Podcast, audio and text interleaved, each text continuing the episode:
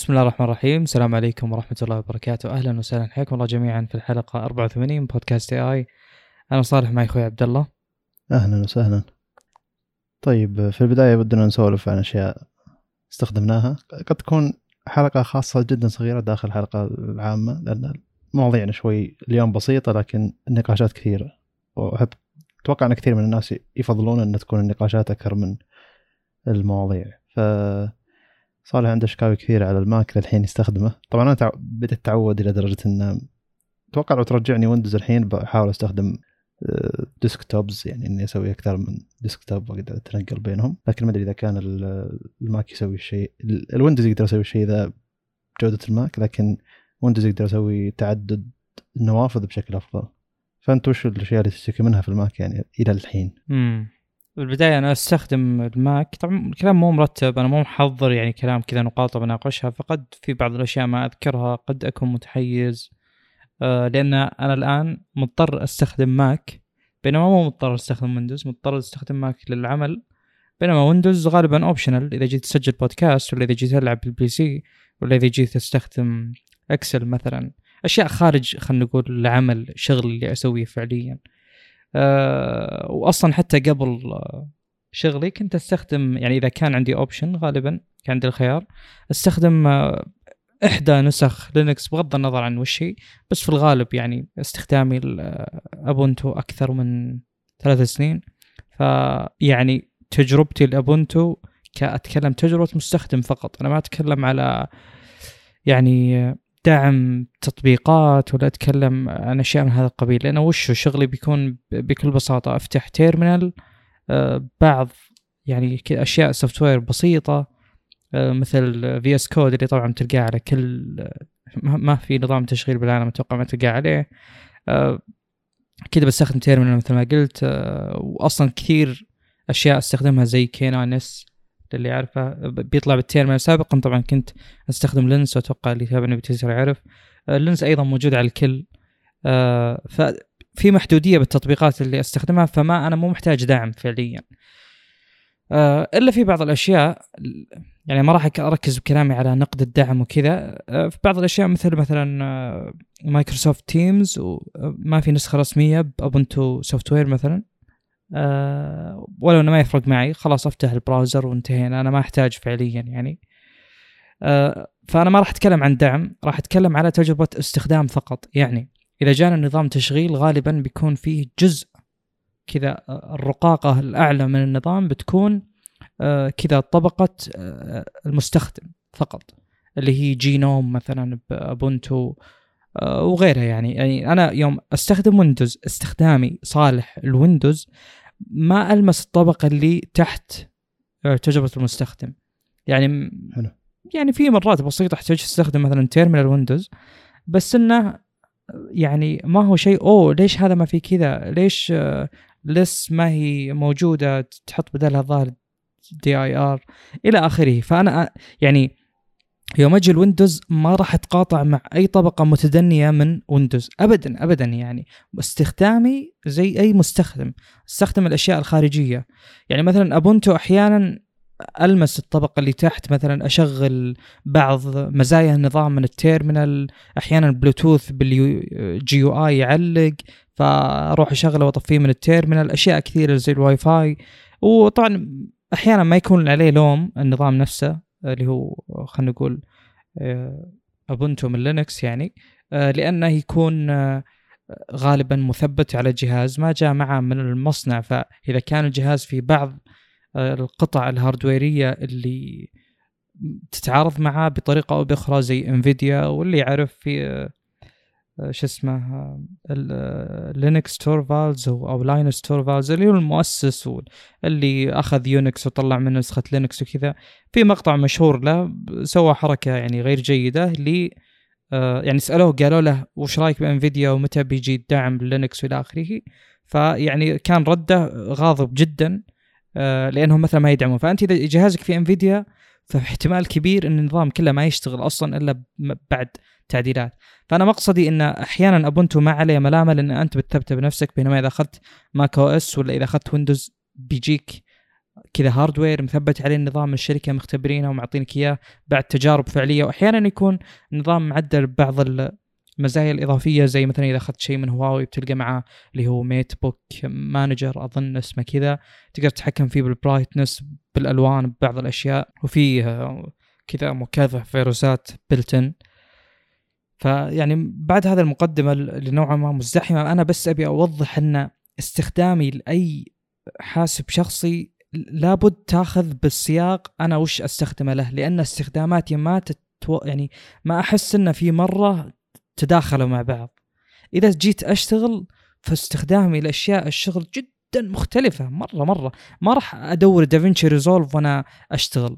ما له علاقة أتكلم يعني عملي آه، اللي هو مو الأشياء اللي فيها هواية زي يوتيوب وغيره. وإذا جيت آه، آخر الليل غالبا ما مستحيل أفتح أي شيء متعلق بالعمل مستحيل أتكلم في مثلا Windows آه، فأروح أفتح جهاز العمل خلاص يعني هي مفصولة. ال spaces هذه ما هي مشتركة بأي شيء. فقد يكون كلامي يعني يغلب عليه انتقاد بسبب إنه آه، يعني في أشياء بسيطة ودي لو إنها توفرت بجهاز العمل. آه، ولا هي موجودة مثلا ال window management اللي تكلمنا عنه كثير.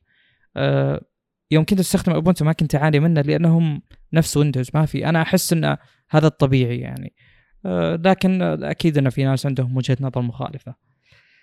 طيب أه الأشياء المزعجه مثل ما قلت سم. حلو. أنا عندي شيء واحد اللي هو يعني أنا قبل فترة أخذت جهاز أخوي جهاز هواوي ما أدري D 15 أو شيء زي كذا. المهم من الأجهزة الرخيصة اللي أظنها تحت 2500 ريال.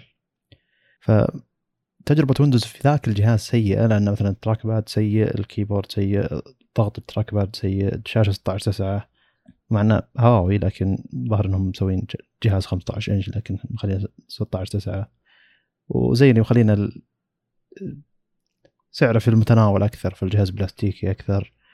فكانت تجربتي سيئة قاعد أقول صاير ال Windows ثم بديت أفكر إنه لا مو صاير ال Windows النظام ما عليه مشاكل. عقلية الناس اللي تستخدم Windows تحت 2500 ريال هي هي مشكلتها. لا عقلية الناس اللي يقارنون ال Mac اللي ب 4000 ريال وفوق باجهزه Windows 2500 ريال وتحت وتجي فيها أشياء كثيرة خاصة لابتوبات يعني أشياء كثيرة جودتها سيئة. يقول لك والله المشكلة ب Windows لا تجربة النظام تجربة نظام ال Windows هي أعلى من Mac من تجربة شخصية من تجربة صالح شخصية. لكن كثير من لابتوبات Windows اللي تكون فيها أشياء سيئة تسيء لسمعة أجهزة Windows. إيه، نفس اللي صاير بالضبط بعالم iOS و Android يعني. مع إن الحين Android لما تشتري جهاز تحت 1500 ريال في أجهزة محترمة وتشتغل بشكل ممتاز. لكن بنفس المقارنة اللي كاميرات سيئة بطارية مدري إيش تبي من الكلام هذا يعني. والمقارنة مع أشياء ما هي بنفس الفئة. ف آه، دايما لما يجي طاري ال Windows أكره الناس اللي يقارنون أجهزة في مبالغ عالية بس ما يدفعون نفس المبالغ هذه النظام ثاني عشان يعطيهم نفس الجودة شيء قريب من التجربة ويعطيهم تجربة نظام أفضل. فهنا الفكرة انه الأجهزة الموجودة عنده بالبيت تحت ال 2500 ريال وجهازه Mac فوق ال 4000 ريال فيقول ال Mac أحسن Windows بناء على التجربة هذه. ونفس الفكرة Android. اللي الأجهزة اللي عنده بالبيت ولا تعتبر جهازه الثاني حق حق العمل ولا من الأشياء هذه تحت ال 1500 ريال جهاز ال iPhone ب 4000 ريال يقول ال Android ال iOS أحسن من ال Android. ف هنا المقارنة سيئة تعتبر يعني. أنت تقارن الجهاز كقطع وتصنيع تعتبره هو النظام. لا مو هو النظام. قطع التصنيع والجودة هذه تلقاها على النظام الثاني نفسه ويعطيك تجربة أحسن بناء على تجربة النظام الثاني أحسن. فلما نجي نقارن النظامين مع بعض لازم نكون عادلين نوعا ما في جودة تصنيع ال keyboard الشاشة الأشياء هذه اللي حول تجربة النظام نفسها فال Mac حنا نهائيا ما في أي مشكلة بالشاشة ال keyboard trackpad جودة تصنيع من الأشياء هذه نهائيا كل المشكلة بتجربة النظام يعني. طيب أنا ما ودي أدخل في هذه المتاهة اللي حلو. يعني مقارنات بين النظامين أو يعني الأشياء اللي تناقشنا فيها سابقا ويعني ما راح نضيف شيء عليها لو تكلمنا فيها أنا بتكلم على تجربة شخص اللي هو أنا وبتكلم على يعني سابقا كل كلامي اللي قبل فبراير الماضي في العام هذا 2022 كل كلامي بدون استخدام. ما قد طرى نعم. على بالي أشتري نهائيا نهائيا يعني صفر. ما قد استخدمت النظام ابدا. حتى يعني يوم بديت أستخدم الجهاز وبدت تطلع لي تنبيهات وقت الشحن وإلى آخره توني أستوعب مثلا إن الصوت زي صوت ال iPhone وإذا جاك إشعار من بعض التطبيقات فهو زي إشعارات iPhone 4 و 3GS وكذا. ففي أشياء كثيرة أجهل فيها بهذا النظام ما فكرت استخدمه شخصيا مثل ما قلت إنه آه، اضطررت عليه يعني لأسباب كثيرة. أنا أقدر لا زلت إني أستخدم Ubuntu لكن بواجه مشاكل. يعني تخلي تحملي لل macOS في الوقت الحالي أفضل أفضل لي أنا. عشان مهما كل ما طحت بمشكلة أو صار لي أي شيء ما أضيع وقت في حلها لأن غالبا بتكون محلولة. يعني إذا أنت كنت مثلا من بين عشر أشخاص كلكم تستخدمون نفس النظام فغالبا هذا الشيء أفضل لكم كلكم آه، لأن مثلا تقدر تستخدم بعض الأدوات اللي افرض ان أنتم عشر موظفين جاء موظف رقم 11 مثلا آه، الشخص هذا أول ما يعني ال onboarding حقه إذا جاي يشتغل مع المجموعة هذه يحتاج يحمل كل software يحتاجه لازم يكون موجود عنده بحيث إنه يقدر يعني بسرعة خلاص يبدأ يشتغل. آه، فأنت يوم تجي يعني تستخدم جهازك هذا الجديد في المكان الجديد اللي تشتغل فيه آه، يعني ال setup بياخذ منك وقت طويل. بتجي تستخدم شيء يعني تكتشف إنه أخذ وقت إلى آخره. فلو كان في سكريبت أو أي شيء Ansible إلى آخره يثبت كل هذه حزمة ال software اللي يحتاجها الشخص الجديد بيكون أسهل للكل. فلهذا السبب أنا أستخدم macOS آه، قلت أنا ما ما أبي ندخل في النقاشات ال- يعني اللي سابقا بس في- سؤال بسيط بتكلم عن. تجربتي. علق معي الجهاز؟ إيه.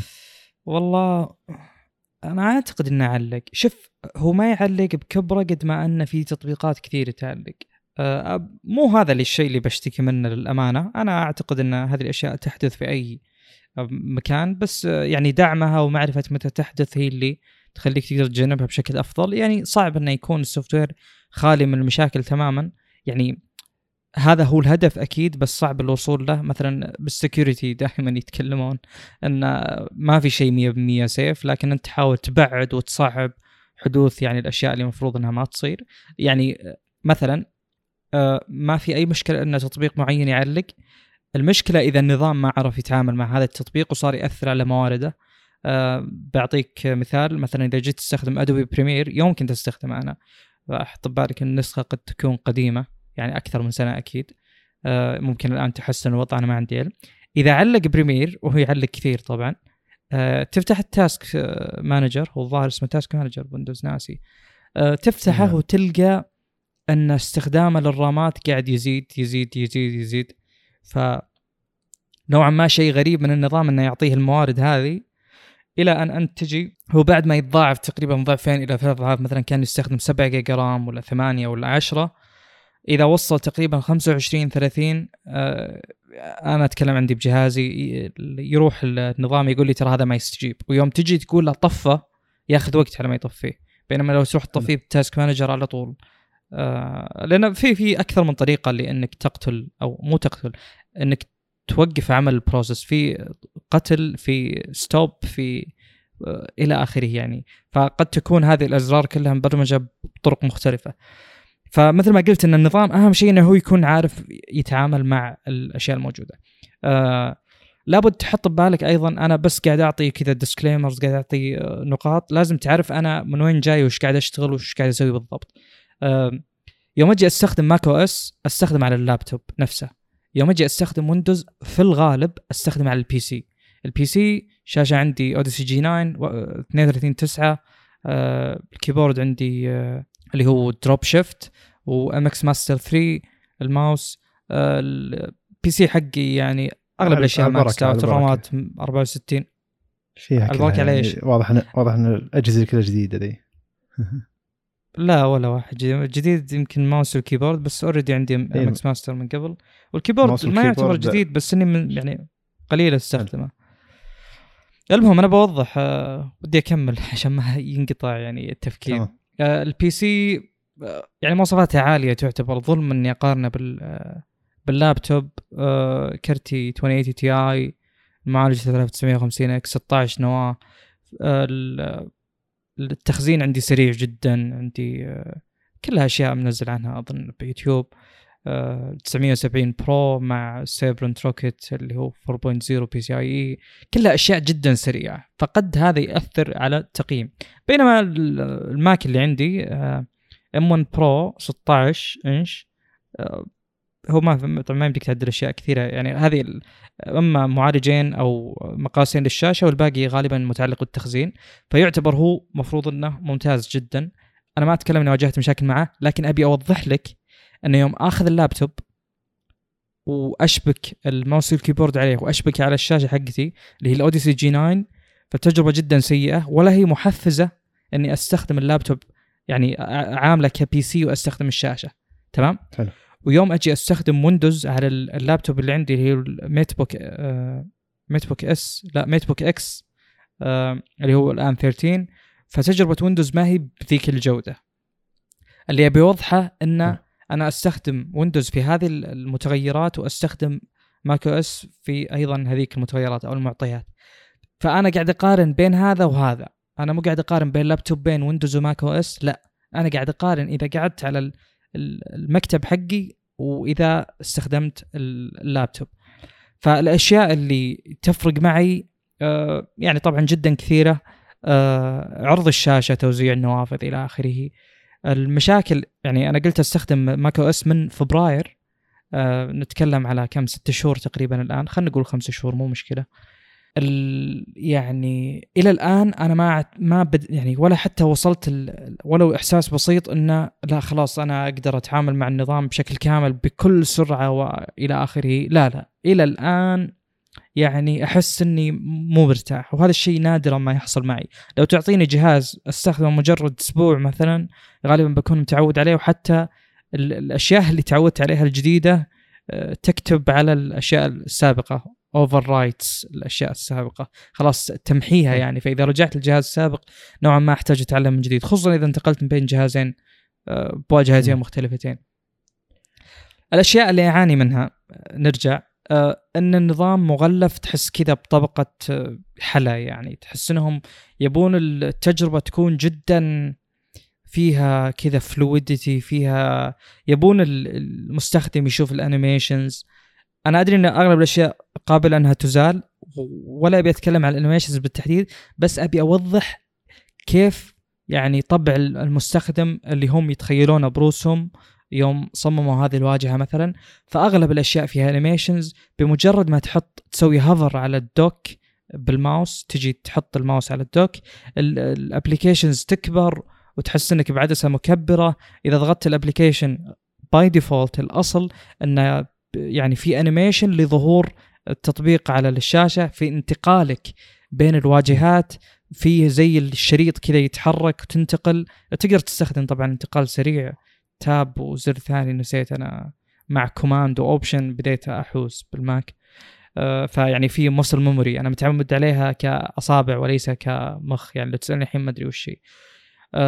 فكل هذه الأشياء كذا مغلفة ب animations وحوسة. أنا ذي الأشياء تدوخني. يعني ما أحبها أبد. وما هي المشكلة طبعا الأساسية. بس أقول إن هذا الشيء ما أحبه. أنا الآن بويندوز بمجرد ما أسوي hover على ال taskbar مثلا ال appli- ال icon حقت ال application بس يعني يصير فيه زي الظل لها. يقول لك إن هذا الشيء الفلاني أو إنك مؤشر على هذا.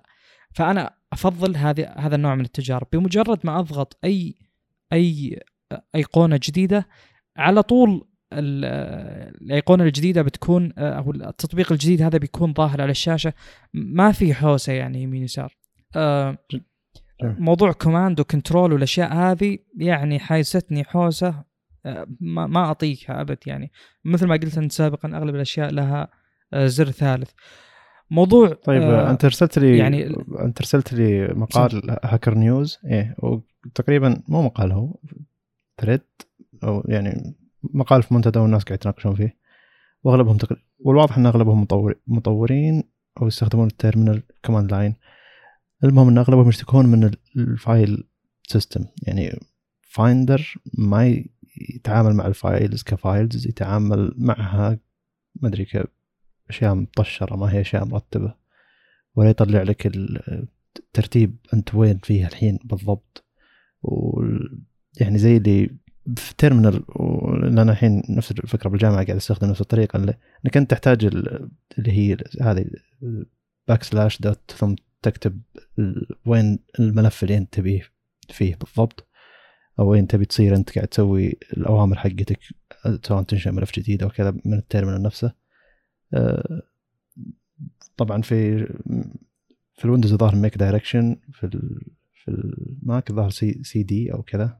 أو نسيت وش الطريقة.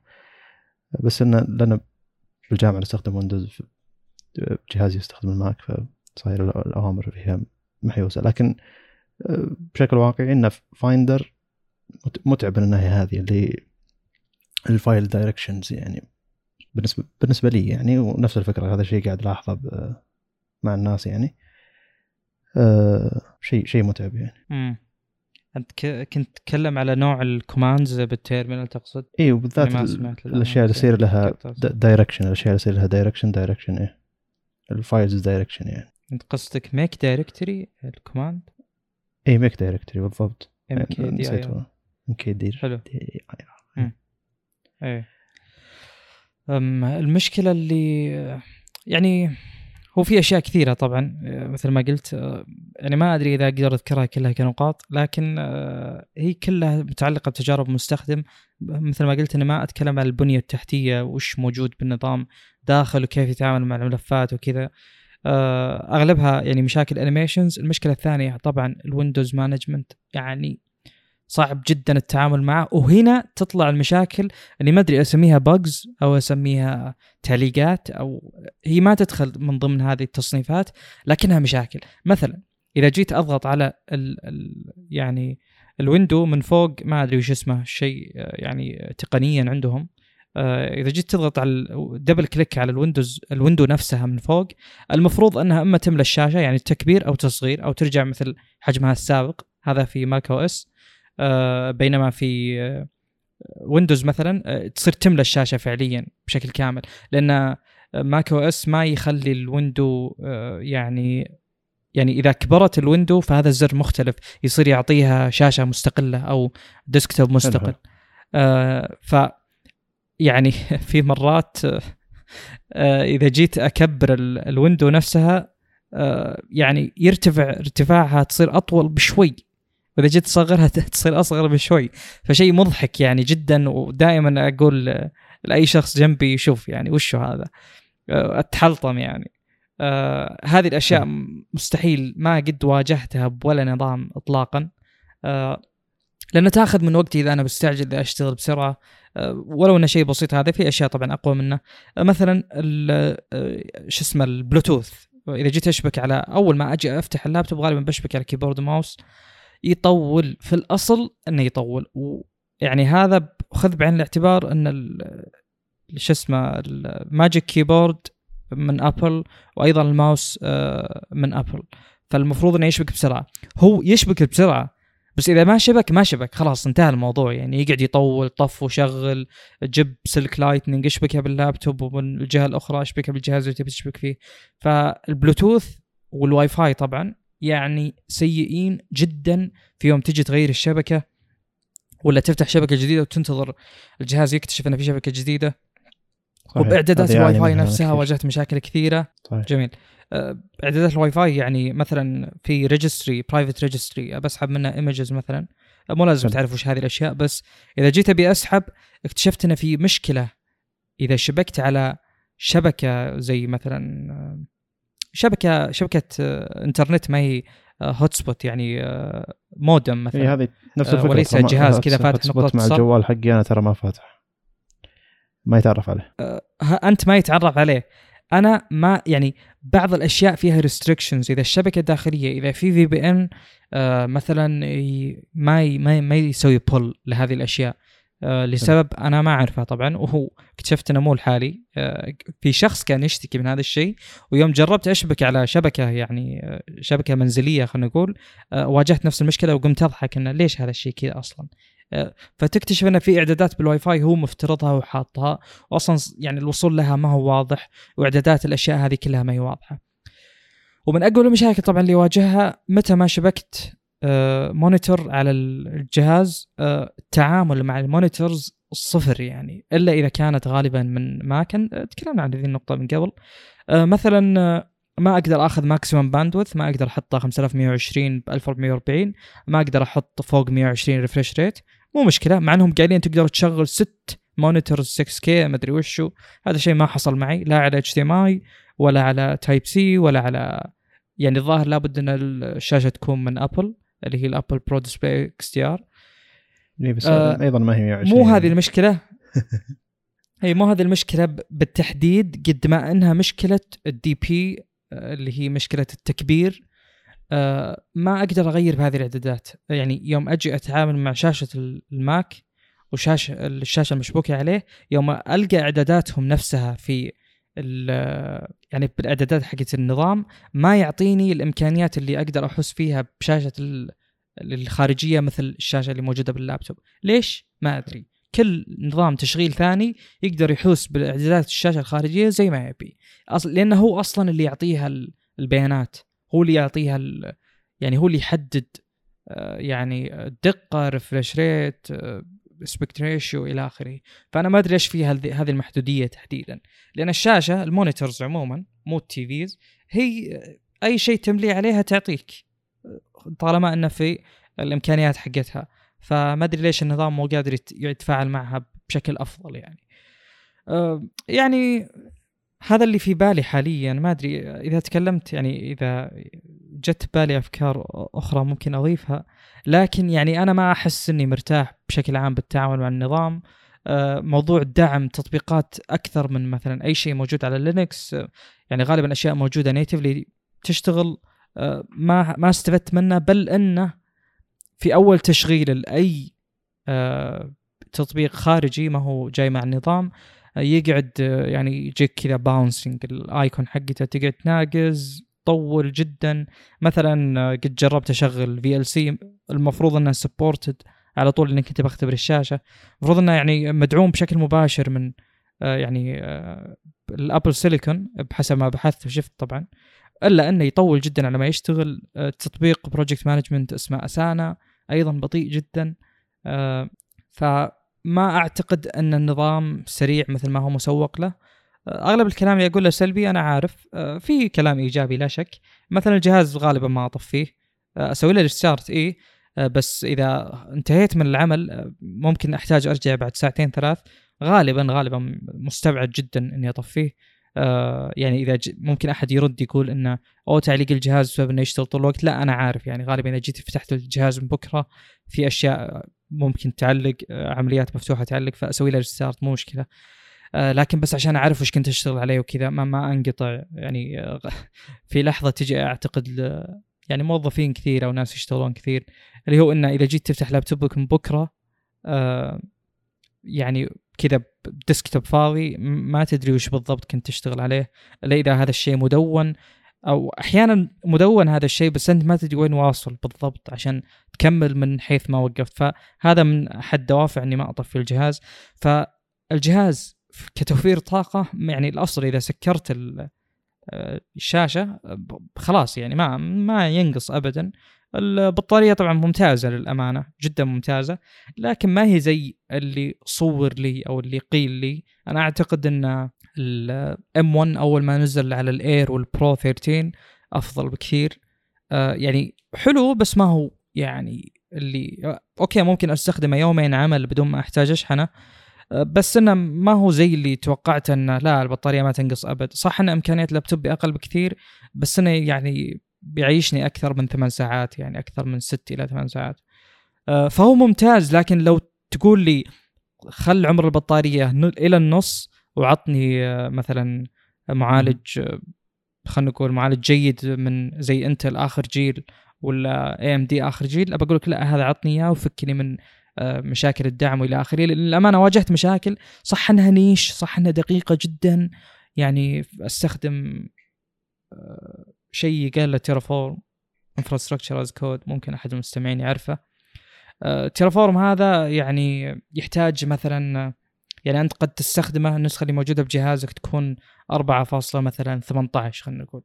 والنسخة اللي تستخدمها لل infrastructure تكون غير. فتحتاج شيء قال tfenv مثلا Terraform environment هذا manage يسوي management للنسخ هذه بحيث إنه يخلي نسختك تتوافق مع النسخة الموجودة على أرض الواقع بال infrastructure. فهذا الشيء يعني واجهت مشاكل عشان أثبته عندي. ضروري ما أقدر اشتغل بدونه صعب جدا يعني. بواجه مشاكل كثيرة. بدونه. فهذا مثلا واجهت مشكلة معه. بالإضافة إلى أشياء كثيرة أخرى جيت أثبتها ويعني مثلا أجي أثبت يعني software معين قل VS Code إلى الآن يعني على الطاري أواجه مشاكل مع VS Code command code مسافة dot اللي هو تفتح آه، في المكان اللي أنت فيه بال terminal ال path اللي أنت فيه. تبي تفتح VS Code ما يفتح عندي. كل مرة أحتاج أسوي آه، الشيء المتعلق بال path هذا اللي يخليه على طول يفتح. آه، ما أدري ليش. أنا أعتقد إنها مشكلة من Mac نفسه ما يعطي صلاحيات يعني مطلقة ولو إنه في كثير غيري ما يواجهون ذي المشكلة ممكن أنا بس. بس أقصد إني واجهت مشاكل ما قد واجهتها من قبل برغم تغير يعني تغيير الجهاز أكثر مرة تغيير النظام أكثر مرة. ممكن أفرمت الجهاز وأنا يعني نفس الجهاز أفرمت أرجع أشتغل عليه من جديد ولا أواجه ذي المشاكل اللي أعتقد إنها نوعا ما غريبة. أحيانا أجي أحمل شيء معين لازم أعطي زي الفلاج اللي ترى الجهاز حقي Apple آه، سيليكون عشان ال server يفهم إنه يعطيني النسخة المخصصة له. ف ما هي أشياء يعني خلاص انتهى ما أقدر أستخدم الجهاز آه، عشان واجهت هذه المشكلة. لا بس أقول لك إنه مهما قالوا الناس إن ترى أوه full support وكذا في أشياء بسيطة ممكن تواجهها يعني. آه، ممكن طيب. تتجاوزها وممكن تواجهها. الشخص منتقل من ال Mac نفسه السابق Intel x86 إلى Apple Silicon أنا أعتقد إنه بيكون موضوع بسيط بالنسبة له جدا. لكن الشخص جاي مثلا من نظام مختلف لا والله يعني macOS ثقيل علي فتعطيني فوق Apple Silicon مهما كانت مميزاته صراحة ما أبيها. مهما كان سريع يوفر طاقة. جميل. okay هي as plus كإضافة حلوة لكنها تأخذ مني أشياء أخرى. لا وفي مثل ما قلت سابقا في أشياء غريبة جدا اللي هو إذا جيت تطفي الجهاز يطول. أنا ودي أعرف ليش يطول. أتمنى أعرف ليش يطول. يطول يطول يعني يقعد أكثر من دقيقة ال keyboard يشتغل. تنتظره متى يطفى. عشان ممكن تبي تشغله من جديد ولا تبي تسوي أي شيء آخر ولا تبي تضمن إنه فعلا طفى. آه، ايا كان. الشحن سريع مثل ما قلت سابقا هذه كلها أشياء أظن مريت عليها. الشحن سريع طيب, طيب. جدا طيب. مو مرة يفرق معي ذا الموضوع. سم تبي تقاطعني؟ تفضل. اي إيه لا أنا عندي آه، الحين في كمية أفكار جمعتها خلال خلال كلامك وفي إضافتين. أول شيء إنه ليش غالب سمعة ال Mac ممتازة عند أغلب الناس؟ لأن لما ما تدخل بعمق بأكثر من شيء يعني نفترض إنك تتعامل مع آه، إنتاج فيديو إنتاج إنتاج صوتي تعامل مع مستندات Excel آدمي بسيط يستخدم تصفح. اللي هذه الأشياء الجهاز يعتبر مرة مرة مثالي جدا جدا جدا مثالي. لكن بالنسبة للناس اللي تستخدم software نوعا ما أقدم من إنه يتحدث سنويا. يعني الحين الناس أغلبهم يستخدمون Microsoft Office يستخدمون Final Cut ولا يستخدمون Ado Adobe بشكل عام يعني. اللي الناس الاكثر بساطة من الشخص اللي بيتبحر بعالم ال software اللي أو ينتج software يعني خلينا نقول. إنه اللي هذا شيء ما يعتمد عليه. وفي المقال اللي أنت أرسلته اللي هو Hacker News آه، اللي أكثر من الناس تشتكي إنه ليش الجهاز يتحدث سنويا والنظام اللي قبل ما ي... ما ي... ما يتكمل الدعم حقه؟ يعني مثلا الحين Windows 10 قاعد توصل تحديثات رغم إن Windows 11 موجود قاعد توصل تحديثات أمنية تحديث ومستمر الدعم له يعني. ونفس الفكرة إنه اللي يستخدم Mac وقاعد يستخدم software نوعا ما أقدم من إنه يشتغل على النظام الجديد بيقعد يروح يبحث هل ال software حقي اللي أنا قاعد أستخدمه الحين لما احدث جهازي بيشتغل زي ما كان يشتغل سابقا ولا ولا لا وهذا كل غالب الناس اللي يستخدمون Linux بالذات يعني يشتكون منه إنه لحظة الحين نزل نظام جديد لما احدث هل بتشتغل كل تطبيقاتي ولا لا؟ هل بتشتغل كل الأدوات اللي أنا أستخدمها ولا لا؟ طبعا الناس اللي تستخدم الجهاز بشكل أكثر بساطة من أنه يعتمد على software نوعا ما قديم. زي ما قلت يعني عدت شركات الناس اللي تعتمد على ال software الشركات الكبيرة وفي الغالب هم ناس أكثر بساطة منهم ينتجون software هذول بيرتاحون مع الجهاز إنه أنا بحدث الجهاز والجهاز أو جزء مزايا جديدة ثم التطبيقات الموجودة اللي أنا أستخدمها تحدث وقاعد تشتغل مع نظام جديد. لكن أجزم لك إنه غالب الناس اللي قاعد تشتغل مع شركات خاصة شركات software ولا شركات cloud ولا أي شيء من هذا القبيل عندها أدوات نوعا ما أقدم. يقعد يفكر يقول لحظة هذا بيشتغل الحين زين ولا لا؟ لحظة هذا بيشتغل زين بشكل ممتاز ولا لا؟ يعني دائما الفكرة هذه تكون موجودة انه هل التحديث الجديد السنوي حق ال Mac بيشغل ال software اللي أنا قاعد أشتغل عليه من خمس ست سنوات عشر سنوات؟ إلى شيء هذا يعني. فيكون شيء مزعج جدا. وهذا وهذا الشيء اللي ليش الناس تحب Linux بالذات يعني. لأن مستحيل التحديث يأثر على Linux Linux الأساسي هو كله إضافات وما في تحديث أصلا. يعني طبعا كله توزيعات معينة حتى التحديثات حقتهم تعتبر بسيطة يعني. بس ما هي على أساس النظام مستحيل على أساس النظام يعني. فحتى لو تحدث جهازك مع ان مدري Linux هل يوصل تحديث ولا ما يوصل تحديث هذا شيء ثاني. بس عموما قارن بال Windows مثلا اللي أنت قاعد على Windows 10 وما أنت شايل هم إنه أوه Windows 11 نزل. ما أدري إذا كان في إجبار بعد فترة إنه لازم تنقلون Windows 11 بشكل معين لكن نفس الفكرة له Windows بالعادة ونفس الفكرة بين Xbox و PlayStation مثلا اللي بالأشياء القديمة يستمر دعمها ما يحبون إن أنت تفقد برنامجك القديم اللي ما يشتغل على الجهاز الجديد أو التعديل الجديد. فهذا يعتبر شيء مزعج بالنسبة لناس كثيرين. فما أدري هل قاعد تلاحظ الشيء ذا بالمجال اللي عندكم يعني؟ ألا ملاحظ آه يعني صراحة صعب آه، مثلا تحكم يعني استخدامات الناس جدا تختلف آه يعني يوم أتكلم عشان كذا أنا كنت أعلق على السياقات يوم مثلا أجي أتكلم على أنا من وين جاي وكذا. وليش أستخدم النظام وكذا آه، حالتي تختلف عن ناس كثير مثلا آه، يعني أغلب الأصدقاء وعاجبهم جدا النظام بسبب إنه والله يستخدم Final آه، Cut بس بس خلاص. Final Cut يشتغل على macOS أحسن شيء أصلا ما يشتغل على غيره. فغالبا بيمدح النظام بشكل كبير. بينما أنا كشخص مثلا ألاحظ إن النظام يزعجني إنه ما يعطيني خيارات. يعني هذا الشيء يعتبر سلبي بالنسبة بنسبة كبيرة يعني مثلا هذا الشخص اللي أرسلت لك اللي هو حلطمته على النظام اللي بسبب إنه أجبر عليه تقريبا نفس وضعي بالضبط يقول ليش النظام يمثل على إنه ما في أصلا file system وليش Finder كذا كذا؟ فحنا اللي نتعامل مع النظام بدرجة أعمق نوعا ما يعني نتأذى بشكل كبير إنه يا أخي ليش ما تعطيني إعدادات؟ يعني هو مثلا يوم يجي لو نفترض أن المسؤولين على ال user experience macOS يبون يقترحون شيء أو يبون يسوون شيء مثل كذا مثلا يوم يجي بيعطيك ال resolution حق الشاشه حق Ubuntu ولا حق Linux وحق Windows بيقول لك ال resolution 2560 ب 1440 بتقول تمام يلا أختار ذا ولا أختار 1920 ب 1080 ولا أختار 1440 ب 720 هذه الخيارات المتوفرة. يوم أو مثلا 1280 ب 720 إلى آخره. بينما يوم تروح أتوقع يعني أفترض أن حقين Mac يقول لا آه best بعدين better بعدين زي كذا. يعني يعطيك خيارات آه، كذا روحانية نوعا ما. آه، يعطيك True Tone طب وش True Tone؟ True Tone يسوي adjustment لل white balance بناء على المحيط الموجود. طب علمني انه auto white balance ليش تسميه True Tone؟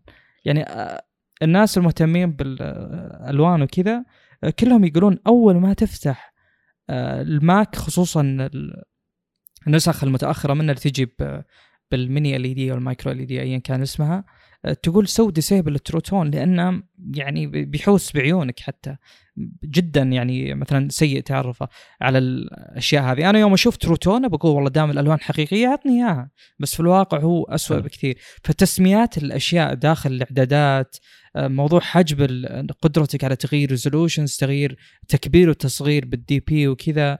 آه، محاولة يعني تمثيل النظام إن إذا مثلا تبي تشغل واي فاي استخدم ال UI ما ما في تحس إنك يعني آه، زي ما إذا تذكر مثلا Windows في بعض الإعدادات يوم تيجي تفتحها ما هي من ضمن الإعدادات الجديدة. اظنها عندي مشاكل بالصوتيات اي هو إذا جيت مثلا بالصوتيات بيق... Windows سابقا مثلا إن كنت أشبك المايك وأقدر أخلي آه، المدخل كل تطبيق ياخذ من مايك معين أنا بحدده له والمخرج من كل تطبيق ياخذ مايك ياخذ speaker معين أنا احدده له. فأقدر مثلا أشغل بسماعاتي صوتك أنت وأشغل بالسبيكرات صوت شيء ثاني أبي أنا أسمعك إياه من المايك مثلا. اللي مليان خيارات وتقدر تسوي كل شيء تبيه. لكن الحين مثلا قبل الحلقة بالضبط اللي جيت بكلم صالح كلمته Telegram ف Telegram أخذ المدخل اللي هو المايك هذا الأساسي اللي قاعد اسجل فيه. فطفيت المكالمة إلا انه معلق طبعا أن تليجرام ما زال ماخذ ال access على صلاحية على المايك الأساسي اللي قاعد نتكلم عليه. ثم كلمنا ببرنامج ثاني إحنا نسجل فيه فصالح قاعد يقول لي صوتك ما يزال يعتبر بعيد ما في ذيك الدقة. فاضطريت إني أطفي تليجرام عشان يروح يوخر الصلاحيه عن المايك اللي أنا أستخدمه اساسيا ثم نعيد المكالمة عشان يأخذ الصوت الأساسي عشان يسمعني صالح بشكل ممتاز. بينما كان المكالمة الثانية مستخدمة المايك حق اللابتوب الأساسي ما هو المايك اللي إحنا شارينه عشان نسجل فيه. فبيعتبر شيء مزعج يعني. بينما لو إني أنا قاعد أستخدم Windows اللي هو آه، أوه التطبيق ذا ماخذ صلاحية المايك لا شيلها عنه حط المايك هذا هنا. ومرات تعطي أكثر يعني تخلي المايك ذا مدخل لكل التطبيقات التطبيقات اللي تختارها. اللي عندك الخيارات. أنا أدخل على خيارات المايك أقول لحظة أنا معي iPhone ولا معي كمبيوتر يعني هل أنا معي جوال ذكي بحيث إنه ما في إلا خيارين ثلاثة؟ ولا معي كمبيوتر ف Windows تحس إنه كمبيوتر كل شيء تقدر تسويه موجود. الإعدادات صحيح إنها زحمة ويلا تفهمها لكن وكانت هذه معاناة معك. أذكر كل مرة نقول لما نجي نعدل على الصوتيات متعب ب Windows لكن خلاص تبدأ تفهمها تبدأ تعرف وينها. لكن الحين لما بدينا نسجل بشكل واقعي على ال Mac حقي من سنة وشوي اللي ما عاد في خيارات. يعني حتى الدسبل حق المايك ما قاعد يعطيني إياه كم بالضبط. ف 100% ما أدري كم 80% ما أدري كم. هل المايك الحين قاعد يشتغل بشكل ممتاز ولا هو بشكل ممتاز؟ ما أدري. ففي أشياء مزعجة اللي صح هي قاعد يعاملك يعني. يعاملك على إنك شخص بسيط قاعد تستخدم أشياء تقنية. طيب أنا بصير شوي أكثر احترافية واستخدم نفس الأشياء هذه آه، لا معليش يعني ف يعتبر شيء غريب. ال Mac M 2 فيها أشياء غريبة يعني وأي واحد معه M 1 اللي إلى لا غير ال M 2 يعني. في مشكلتين وتوها تطلع وبالعادة إن ذي الأشياء تطلع بعد تجربة الناس فتره طويلة. أول شيء إذا كنت ماخذ النسخة الأساسية 256 من ال M 2 سواء ال Mac MacBook Air M 2 أو Mac Pro MacBook Pro M 2 سرعة الذاكرة تنقطع بالنص بالضبط يعني بالضبط بالضبط. فجهازي الحين ال M 1 حقي الذاكرة سرعة القراءة حقته مثلا 2900 آه، megabyte per second. والكتابة 2215 تقريبا. ال M 2 إذا أخذت النسخة الأساسية بيجي على 1446 megabyte per second كقراءه وكتابة 1463 megabyte per second ككتابه ف يعني راحت نص قد سرعه الذاكرة الداخلية لأنك أنت ماخذ النسخه الأساسية. وما أدري إيش المشكلة بالضبط. حاطين NAND chip قبل أو single NAND chip بالعادة إنه يكون multiple NAND chip بالظاهر عشان يكون ال access أسرع لكل ذاكرة. لكن زي اللي في صار فيها استرخاص شوي. لكن إذا صعدت ل 512 وفوق ما راح تكون هذه المشكلة موجودة. المشكلة الثانية بتكون موجودة اللي هي إن الجهاز صار thermal throttling يعني الجهاز يثبط يثبط أداء الجهاز عشان وصلت الحرارة معينة. في أغلب الأجهزة ما توصل 100 بالعادة لكن ما أدري ليش M 2 على الإصدارين حقته يوصل إلى 108 ثم يوقف على 108 على اعتبار إن Apple قاعد تشوف إن 108 شيء طبيعي لكن تحط لابتوب على رجولك مثلا درجه حرارة المعالج حقته 108 وش تتوقع اللي الحراره اللي بتوصل لجسمك يعني؟ شيء يعني 108 درجة حرارة عالية على على إنك تسوي thermal throttling إذا وصلت ل 108 المفروض انك إنها قبلها طبعا. فالحراره اللي يوصلها مرة عالية على قد يكون ياثر على الأشياء اللي حول البطارية والأشياء ذي.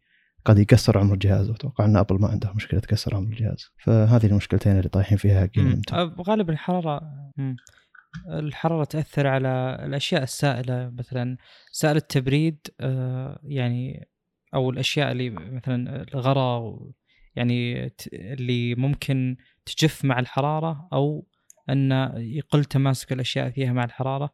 طبعا بغض النظر أظن الأجهزة يعني قوية من هذه الناحية بس الحرارة اللي غير متحكم فيها آه، يعني أكيد إنها مؤثرة.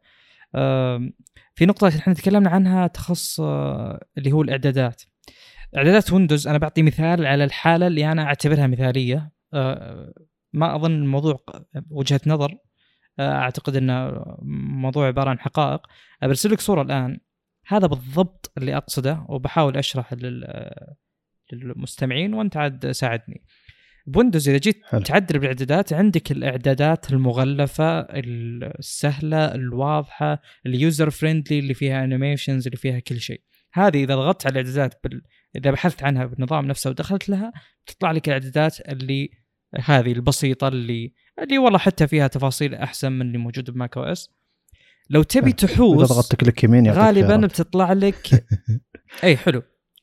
إذا تبي تحوس زود غالبا تطلع لك نوافذ Windows القديم اللي هي غالبا تجيك تصميم Visual Basic زي اللي فوق ال device manager اللي أنا فاتحه لك. أنا أرسلت له صورة. فوق في device manager أي أحد عنده Windows افتح هذا. وفي تحت ال settings فشوف الفرق. ال settings مثلا عندي طالعة ب dark mode متماشية مع النظام إلى آخره. بينما إذا جيت تدخل على ال device manager جيت تحوس بكل اعدادات الأجهزة جيت تعدل على ال drivers تحذف drivers تسوي لهم update تسوي لهم disable كل شيء تلقاه باعدادات. يعني العميقة اللي أنا أعتقد ان Windows يقولون للي يبي يحوس بالاعدادات واللي يبي يعني يعني مثلا أنت إذا استثمرت وقت معين في محاولة تعلم شيء جديد أو تعدل آه، عليه نوعا ما آه، الإعدادات هذه البسيطة المغلفة ما هي بلك لأن خلاص أنت وصلت لمستوى أعمق اللي لا تبي إمكانيات أكثر. أنا أتفهم طبعا بنواحي كثيرة ليش أبل تسوي هذه الحركة. أه يعني هي تبي تجذب المستخدم العادي بشكل كبير تبي تسهل تجربته. ما تبي أحد يحتاج يحوس بالإعدادات عشان تجي أفضل تجربة. أه بينما مثلا في مكان زي Windows زي Android إلى آخره يعني هذه مجرد تفكير أه، الناس اللي قاموا بتصميم هذه الأجهزة وهذه الإعدادات إلى آخره. أه انه يقولون لك لا إذا تبي تحوس أكثر عندك option إذا دخلت على developer options مثلا Android بتجيك اعدادات صراحة في بعضها أنا ما أفهمها يعني ما أدري وش هذا. لازم أبحث وأشوف وش يعني بالضبط. موضوع ال DP إنك تحطه برقم من بين كم؟ 150 أظن إلى 500 هذا الشيء تماما ليس له معنى ما تدري وشه بالضبط. إلى أن تحط رقم مثلا 440 وتجرب شلون تصير إحجام النوافذ وإلى آخره. ف Apple العكس من هذا تماما. لا بيعطونك والله تبي كبير وسط صغير بس. فأنا أتكلم يعني أعيد وأقول إني كصالح كشخص هذه طبيعة استخدامه يعني ما يصلح لل macOS نهائيا لا من قريب ولا من بعيد. أكيد في ميزات وهي دمج مثلا خلينا نقول إني أقدر أستخدم يعني نظام من تحت بالأشياء الداخلية فيه. يعني نوعا ما في أشياء كثير أفضل من Windows يعني من ضمنها مثلا ال terminal آه لكن آه يعني هو مثلا يدمج لي التجربه إنه والله في جهاز مغلفه واجهاته وشا... بشكل عام يعني يجيك ال hardware أفضل شاشة ممتازة ال keyboard الأصل إنه أفضل. آه، يعني يعطيني التجربة الموازنة اللي ممكن جهاز أقدر استخدمه بالعمل واقدر استخدمه بالليل إذا جيت مثلا ألعب عليه وأشياء من هذا القبيل. بينما مثلا Windows مستحيل أستخدمه كجهاز عمل بالنسبة لي كصالح. والله في scenarios ممكن أقدر أستخدمه. مثلا في WSL اللي قد جرب فيه أيضا شيء آخر بال store عبارة عن تقدر تحمل كل ال terminals حقت كل آه، توزيعات Linux. طبعا هي كلها الأصل ثنتين أي شيء RHL based RHEL based اللي هو Red Hat Enterprise Linux اللي آه، أو المقابل لها اللي هو Debian based خلينا نقول. ف آه، يعني هو RPM اي RPM و Debian ف هذا له package manager وهذا له package manager تقدر تحمل كل هذه النسخ على Windows أذكر أحد الأصدقاء يعني جدا يحب Windows ف كان يستخدمه للعمل بشكل كامل. وللأمانة هذا من أفضل الأشياء اللي ممكن تساعدك إنك تشتغل على Windows يعني ب level أعمق إنك تحمل ال terminals هذه. بتواجه مشاكل طبعا في الاذونات حقت الملفات لأن أصلا هذا الموديل هذا ال concept ما هو متبنى في في Windows أو مثال بسيط عشان يوضح للمستمعين. فيه يعني أي ملف أو أي خلينا نقول path أي مسار أي عنوان لأي ملف لأي دايركتوري يعني لأي فولدر أو file بالجهاز له آه، اذونات آه، ممكن إن المستخدم الفلاني يقدر يقرأ مجرد يشوف ممكن المستخدم الفلاني يقدر يقدر يقرأ ويكتب. آه، ممكن المستخدم الفلاني يقدر يقرأ ويكتب ويسوي execution يشغل. لو كان في سكريبت يشغله لو كان فيه آه، ايا كان يعني آه، نوع الملف اللي يشتغل يسوي عمليات يعني.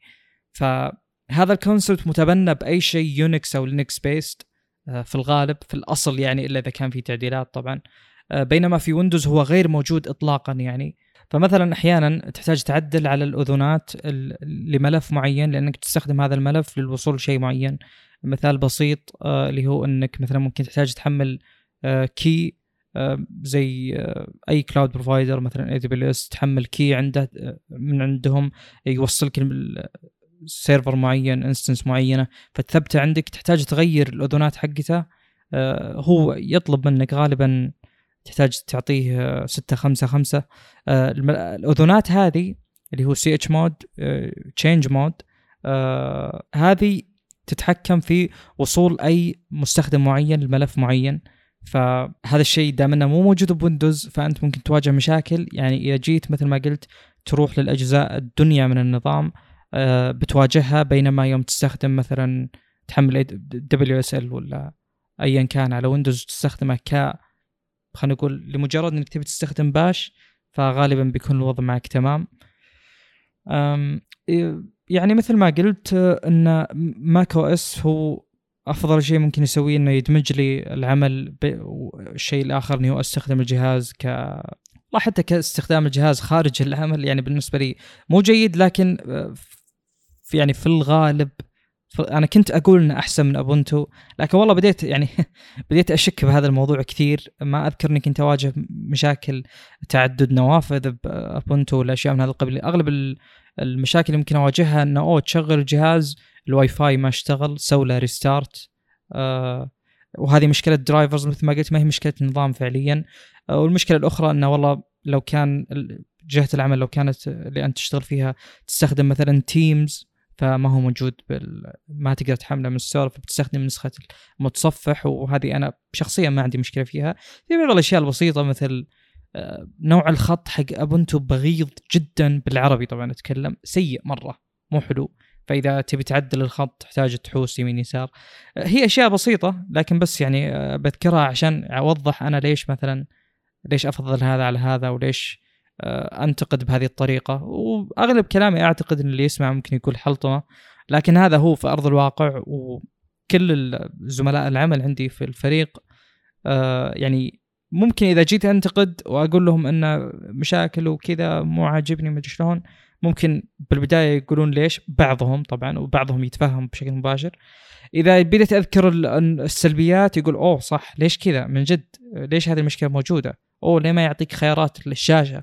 فهي سلبيات موجودة لكن قد تكون أنت ما عندك أي مشكلة فيها ومتعايش معها. تمام قد تكون هي أصلا ال default لك. أنت أول جهاز تستخدمه آه، كان macOS ف يعني يعتبر هذا الشيء عادي جدا بالنسبة لك. حلو.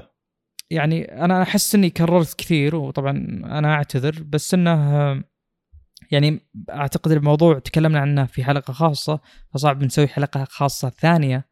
تخص يعني لكن يعني macOS مجرد تحديث التجربة وش, وش آخر التحديث أيوه الحين لو يوصل macOS 13 Ventura مثلا هل أجهزة الشركة عندكم بتتحدث؟ هل الأدوات اللي تستخدمها أنت بتشتغل بشكل مباشر على النظام الجديد؟ يعني ترى باقي باقي شهر باقي شهرين وينزل للناس يعني بشكل طبيعي. أنا ما عندي علم بس كابوسي إذا قال لي macOS بيحدث وهذه نقطة زين ذكرتها. الناس تنتقد Windows update. بالنسبة لي macOS update اسوء بكثير.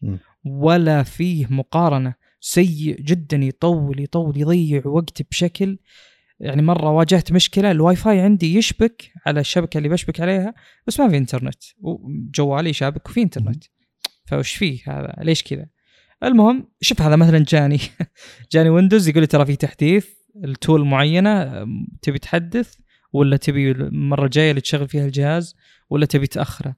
ف macOS أيضا يعطيك هذه ال options لكن إذا جيت تحدث يطول يطول. يعني آخر تحديث قعد ساعة وربع تقريبا. ليش؟ أوه. أنا ودي اعلم وش ال... وش المشكلة بالضبط يعني؟ فبديت أحذر يعني إذا جيت بداية اليوم يوم العمل وجاب يحدث أقول له لا يا حبيبي أنت بتأخرني مرة يعني آه، خليه إذا جيت انتهي من العمل أو أي شيء من هذا القبيل. واحيانا مو أحيانا دائما تصير إذا جاء البار حق اللي هو يعلمك كم وصل كم نسبة المئوية أو هو مو ما في نسبة مئوية بس يقول لك كم وصل إجمالي يعني التحميل آه، تقريبا أو التحديث. آه، كذا في منتصف ال- آه، البار يجي يقول لي دخل username و password ليش طيب؟ إيوه أيضا البصمة. آه، البصمة ما منها فائده ماني مستفيد منها. إيه. كل ما جيت تشغل جهاز بعد shutdown بعد ما تطفيه يقول لك عطني username password أو يعط- عطني password بس يعني يحط ال user حقي. لا إذا قطع أنا وش حتى لو؟ إنك ما قفلت الجهاز لو لو قطعت عن الجهاز عدد ساعات معينة أظن إيه، فوق ال صح. 20 أو 24 ساعة. 24 إيه، بيطلب منك ال password مرة ثانية. فشيء متعب شايف يعني. أي فائده جدا جدا جدا سيء للأمانة. ما أنا يعني فعليا مو قاعد أتعامل مع البصمة بالشكل اللي المفروض أتعامل مع البصمة م. فيه. آه، طبعا في يعني في انتقادات جانبية ذكرناها كثير زي انه تو ثقل الجهاز. والله ثقيل ثقيل جدا جدا يعني جدا ثقيل. آه، كبير سماكته جدا عالية. آه، الشاشة ال calibration فيها سيء جدا. جدا جدا اللون الأسود خرافي.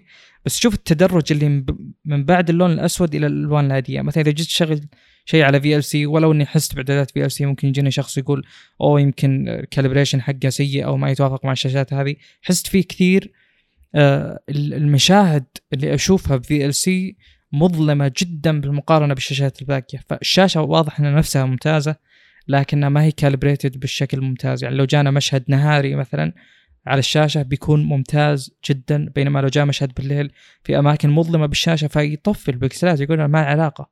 فتشوف آه، العيون واللي تحت العيون الهالات مثلا آه، لو كان النور جاي من مك- مكان معين آه، بالمشهد فتشوف الشخص ظاهر بالمشهد. ممكن الجزء الآخر من الوجه اللي المفروض يكون مو منور يكون مظلم جدا جدا. يعني كأنك ماخذ ال shadows ومنقصها بشكل كبير. فمثل اللي يعني ما وضحت إنه أنا أعتقد يعني وهذا الكلام قد يتفاجأ منه ناس كثير. ح- أنا وأنت أظن نتفق عليه. أنا أشوف أجهزة ماك hardware خرافي جدا في الأصل جدا خرافي على النظام بالنسبة لي سيء يعني. يعني يحتاجون نسبة معينة من الناس اللي يعني يستخدمون جميع ال software اللي تنتجه ابل نوعا ما. أقدر أقول كذا. يعني مثلا أنا أعرف شخص آه، معي بالعمل ما يشتغل بتخصصي ابدا بعيد عني جدا. آه، ما له أي علاقة في أي شيء تقني. آه، أول ما جاء يقول اعطوني macOS يقول ما ما عجبني. بعد شهر تقريبا. يق- يقول قلت اعطوني ويندوز وهو يستخدم أظن Excel أشياء زي كذا. فيقول يوم رجعت ويندوز يعني نفس شعوري بالضبط. تحس إنك في بيتك يعني. تحس إنك هذا المكان اللي متعود عليه. ف يعني هذا الشخص بعيد عن المشهد اللي ممكن فيه Final Cut Pro ولا فيه تطوير تطبيقات أو إلى آخره من الأمور آه، ويفضل تجربة مستخدم آه، ويندوز طبعا ما هو المثال الوحيد الموجود لكن أنا أعتقد كذكاء النظام في التعامل مع المستخدم 100% ويندوز أحسن. يعني. يعني بشكل بالنسبة لي ما أشك فيه نهائيا. ك يعني بشكل طبيعي كيف تتعامل مع نظام وجود ال taskbar وجود الإيقونات حقته الطبيعي والأقرب إلى الواقعية ويندوز الأشياء اللي موجودة ب macOS أشياء مغلفة أنا أشوفها إيه، بعدين بحيث عندي تكون مشكلة. ممتعة للمشاهد عندي مشكلة سم. مع أبل يعني في كثير من الأماكن اللي كان يقول لك لا أنت ما تستاهل الشيء ذا أنت ما شريت أجهزة أبل بشكل كافي فهمت ومنها اشياء أشياء كثيرة إيه. مثلا لما تشتري سماعات أبل وتستخدمها على ويندوز أو تستخدمها على أندرويد على أي شيء غير ماك أو آيفون ما يرسل للجهاز بيانات كم بطارية الجهاز. مع إن ذي. أغلب سماعات البلوتوث الثانية تلقى موجود كم نسبة البطارية. في الغالب طبعا. صحيح. ويندوز يعلمني كم نسبة بطارية ال Buds Pro حقتي بس macOS ما اي. فيقول لك آه، المفروض ان اي المفروض إنه يعلمك لكن لازم تكون معك معك هذا. اي نفس الفكرة اللي أنت ما شريت سماعات أبل فما نطلع لك النسبة. أنت معك سماعات أبل لكن ما معك جهاز أبل ما نطلع لك نسبة. ونفس الفكرة مثلا Apple Pay أنا قلت الحين أوه معي ماك. أكيد التصفح بسفاري بيسمح لي إني أدفع ب Apple Pay لكن ما في برنامج Apple Wallet يعني. عشان أقدر أضيف بطاقاتي عشان أقدر أدفع ب Apple Pay يعني كنت أبي أجرب التجربة إنه أوه يعني أذكر في إحصائية لأحد المواقع الموجودة في السعودية إن أكثر من 80% من مبيعاتهم على Apple Pay لأن الموضوع سهل انه بس تضغط على Apple Pay الجهاز نفسه يروح من Apple Wallet يجيب بطاقتك يحط بياناتها يطلب منك البصمة أو بصمة الوجه أو بصمة الأصبع إذا كان الجهاز آيفون قديم آه، يدفع بشكل مباشر من دون لا تدخل بياناتك أو كذا آه، أو تدخل بيانات بطاقتك مرة ثانية. طبعا هذه موجودة بشكل ثاني على هذا لكن مو بالسرعة هذه يعني. وعلى البنوك السعودية بالذات يعني إنه لازم يدخلك على الصفحة حقت طلب الكود. هذا خطوة أمان يعني. المقصد إنه هنا أنا عندي ماك طبعا. يعني شاري جهاز ماك بوك يعني مبلغ وقدره. لا معليش أنت ما دفعت يعني أنت ما شريت أجهزة أبل بشكل كافي بحيث إن نعطيك إنك تقدر تستخدم Apple Pay فالمعذره يعني. هذا شيء ينرفز يعني إنه أنا شاري الجهاز هذا المفروض إن الميزة اللي أنتم تقولون عنها تشتغل عليه. مو شرط إني أروح أشتري أكثر من جهاز أبل عشان أشغل كل المزايا. اللي المفروض إنه من السهل جدا إضافتها على أي جهاز ثاني. فنفس الفكرة دي في شوفة نفس يعني. و صحيح. و... إيه يعني ال... لما الشركات كلها تجتمع على إنها تبي تسوي تقنية واحدة عشان تخلي كل شيء هذا ثابت على مكان واحد ابل تروح تسوي نفس التقنية بالضبط باسم ثاني ما تشغلها إلا على أجهزة ابل ولو شريت الشيء اللي من أجهزة ابل وأنت تستخدم جهاز ثاني غير أجهزة ابل فما راح تشتغل هناك. يعني زي الحين spatial audio الموجود على ابل موجود شيء اسمه 360 من Dolby Vision موجود اللي هو نسم إذا لبست السماعتين حقتك ولفيت راسك يبقى الصوت بالجهة اللي أنت كنت جالس فيها من الأساس يعني. الصوت كان يمينك لفيت وجهك يمين ما يكمل يكون يمينك لا يكون قدامك كأن عشان يصير مشهد حقيقي يعني. فموجود دولبي فيجن 360 مثلا. لا ما ناخذ الشيء الموحد اللي كل الشركات قاعدة تشتغل عليه. ممكن إنه يكون يعني ثورة بعالم الصوتيات لا نروح نسوي لنا شيء خاص فينا ما يشتغل على اجهزه أبل. ولو شريت سماعات إنها حاولت تشغلها على جهاز غير جهاز أبل ما راح يشتغل. ف زي لي. أنت ما شريت أجهزة أبل. بشكل كافي عشان نعطيك كل المزايا اللي ممكن نستخدمها. شيء مزعج. software يا هذا شيء سهل جدا ترى. لكن هذه طبيعة الشركة يعني. انه أنا أبي أحط أكبر عدد جدران حول المستخدمين حقيني فعشان كذا تلقى نوعية المستخدمين جدا متعصبين لدرجة إنه هو ما يقدر أصلا يستخدم شيء ثاني. لأن لما يستخدم أجهزة ابل اللي هو متعود عليها إنها تشتغل مزايا معينة على أي جهاز ثاني ما راح تشتغل معه بالطريقة اللي هو متعود عليها. فيقول لك اوه ذي الأشياء سيئة. بينما لا اللي الحق الحزمة اللي عندك ما قاعد تشغل المزايا اللي عندها على أشياء ثانية معينة ف يعتبر شيء مزعج يعني. أنا ما لاحظ ذي الأشياء ولا أهتم فيها يعني. بس أعتقد أكيد بتواجهها طبعا. أكيد إنه في طريقة معينة يبونك يعني تشتري الأجهزة الأخرى في ال ecosystem أيضا هذا الشيء تكلمنا عنه. فأنا ما ودي أزعج أي شخص يستخدم macOS وعاجبه وكل شيء. طبعا هو النقد ما يضر لكل أحد حق النقد بشكل مطلق يعني. لكن أنا أقصد إنه ممكن ذي الأشياء كلها ما عندك مشكلة فيها فيكون كل هذا الكلام يعني ما هو جديد بالنسبة لك. قد تكون بعض الأجزاء يعني يعني أول مرة فعلا تستوعب إنها المفروض ما تكون كذا لكن قد يكون هذا الكلام ما يعنيك أصلا. يعني أنت مستخدم ال macOS تبي تبقى مستخدم macOS والميزات اللي موجودة ما موجودة ما راح تقدر تضيفها ولا راح تقدر تغير أي شيء فهذا الكلام قد يكون يعني ما في أي إضافة فعلية. شخصيا آه هذا اللي بيصير ترى. يعني أنا بكمل على الماك وما أتوقع إنه إلى فترة قريبة ببيع أصلا لأنه بيبدأ يصير ما يستاهل البيع. استخدامه أفضل من بيعه. ويعني إن شاء الله كذا بعد سنة أقدر أخذ لي جهاز ويندوز محترم يكون الماك موجود. يعني ما ما أتوقع إني بس بستغني عنه. بخليه موجود للتجارب للاشياء هذه. وقدرت أتجاوز العيوب يعني. صحيح إنه أوه مشاكل واجد بس تقدر تتجاوزها. إذا كنت من الأشخاص اللي عندك عقلية محاولة حل المشكلة محاولة حل المشكلة محاولة حل إلى أن تقدر تنهي المشكلة. زي الحين مشكلة يعني قبل شوي شابك على الواي فاي البيت. واي فاي البيت يعتبر ضعيف وبعيد. توني فتحت الواي فاي مرة ثانية وحاولت أشبك. ال hotspot حق الجوال على الماك وقدرت يعني بطريقة غصب يعني. لكن تعتبر متعبة وأتوقع أي إنسان عادي يعني أي إنسان أقل فهم تقني بشكل بسيط مني ما أتوقع إنه راح يقدر يوصل الشيء هذا. آه، إنه يقدر يشبك hotspot من جهاز أندرويد على الماك. أو ما أدري يمكن شاومي بس المشكلة ما أدري والله. لأن أتوقع إن الأجهزة اللي قبل كانت تمام وضعها. لا أنا أنا يشبك على ال hotspot عندي بشكل. آه، شوف يشبك بس يوم أشغل hotspot أبي أحدث أقول له شوف يعني القائمة من جديد لأن الجهاز اللي هي فيه الواي فاي توني مشغلة. مم. آه، فيطول يطول بشكل مزعج جدا. أعتقد واضح إني ما أحب النظام أنا جدا كتجربة مستخدم. تقريبا ولا شيء أقول أوه والله الحين أنا فاقد هذا الشيء ب macOS. أول الأمانة قبل لا أستخدم النظام يعني كنت أقول أشوف شخص يستخدم النظام يعرف يستخدمه فأقول أوه في أشياء fancy في أشياء كذا فخمة animations غالبا جودة الشاشة يعني أفضل متوسط سوق ويندوز بكثير إذا ما هي من تنافس الأفضل يعني.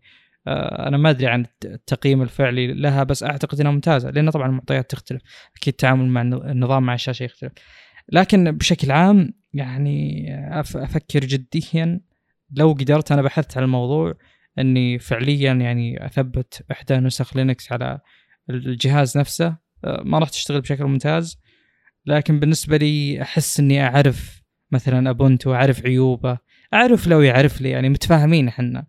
صح إنه في عيوب لكن ما توصل لعدم قابلية الاستخدام زي اللي موجود ب macOS وتكفون يا جماعة لا احد يجي يقول أو حمل التطبيق الفلاني حمل التطبيق الفلاني دور بديل PowerToys ما أدري وشو. لا. يعني إذا ما جاء النظام natively يدعم هذا الشيء أو جاء تطبيق من الشركة نفسها أنا بالنسبة لي أنا مستعد صراحة أتحمل مشاكل دعم وإلى آخره. يعني غالبا أحب أستخدم الشيء بكل آه، يعني شيء جاء معه من يعني كل الاعدادات المتوفرة لي بستخدمها لكن ما راح أضيف إعدادات جديدة في الأصل يعني هذا طبيعة استخدامي يعني قد تكون هذه الساعة و12 دقيقة كلها تخص آه،. موضوع شخصي متعلق فيني آه، لكن أنا أعتقد يعني إن في كثير ممكن يبغون تحديثات هذه التجربة فعليا لأن في أشخاص في الحلقات السابقة سألوا عن إن ليش غالبا المطورين يستخدمون macOS. أنا كنت أعتقد بشكل قاطع إنه هو اللي يعطيك ال- التوازن المثالي بين آه، لينكس اللي أصلا ما راح يكون متوفر ك كحل للشركات. آه، لينكس ما راح يجيك ما يعني ما في شركة معينة تقول والله يلا هذه ThinkPads هذه الأجهزة كلها عليها لينكس النسخه المعينه للشركة الفلانية مع دعم وإلى آخره. ما أتوقع إن هذا الشيء موجود. فطبيعي إنه بتلقى في دعم من Apple للشركات ودعم من Windows للشركات. Windows يعتبر خيار غير مناسب بالنسبة لي لكن آه، يعني بنفس الوضع macOS يعتبر خيار مناسب لناس كثير. اي بس من الأسهل إنه لما أعطيك لابتوب Windows آه، إنك تركب عليه Mac يعني آه، تركب عليه Linux أقصد. من الأسهل من أي ناحية؟ بيشغله بشكل أفضل من إنك لو تركب Linux على ال Mac يعني. إي أنا عندي Apple Silicon اسوء واسوء إيه. اسوء بشكل كبير. أنا ما أدري بس شفت ناس جربوا يعني يقولون ترى يشتغل. ما أدري وش المشاكل اللي ممكن تكون. ما أعتقد إنه بيكون تجربة فعلية حقيقية. آه، أنت غير آه، إن لكن- المعمارية تختلف أكيد إيه. إي إي بس في في حركة يعني يتكلمون عنها. آه والله يعني شوف آه، مثلا آه، Steam حطوا Arch Linux على ولو إنه يدعم natively بس شغلوا Arch Linux بشكل ممتاز على Steam Deck يعني. آه يعني فعلا PC هو عبارة عن PC يشتغل عليه Steam يشغل جميع الألعاب الموجودة بدون أي محدودية فمقصدي فقط إن Linux فيه ال portability اللي يتثبت على أشياء مختلفة لأنه هو مسكين ما عنده بيت ما عنده جهاز يجي عليه كذا مثبت وكالة. لا أنت لازم تثبته فهو يحتاج يكون friendly بالتثبيت وسهل وإلى آخره انه لا هو عارف ترى يوم تثبت Ubuntu جنب Windows ترى عارف إن أنت بتثبته جنب ويندوز فيقول لك تبي اثبته مع Windows بس ما أخذ partition مستقل ولا تبي تحط لي بارتيشن مستقل؟ فهو مسكين يعني مشرد ومتعود على هذا الشيء. فموضوع إنه يتركب على أجهزة صعبة عليه شيء هو مر فيه مطورينه مروا فيه بشكل كبير. خلاص يكفي أعتقد. آه، ننتقل إلى 15 دقيقة بالضبط. ننتقل إلى إيه سامسونج. خلاص ننتقل. أنا ش... إيه. أنا شفت المؤتمر فبيلخص مؤتمر؟ المؤتمر. حلو. ثم عاد إذا بننتقل كل جهاز لحاله مو مشكلة. لكن أبي كذا آه، أقل من عشر دقائق أعطيك وش صار بالمؤتمر كامل وش هو العبارات التسويقية أو وش اللي أكثر شيء سوقت له س- سامسونج.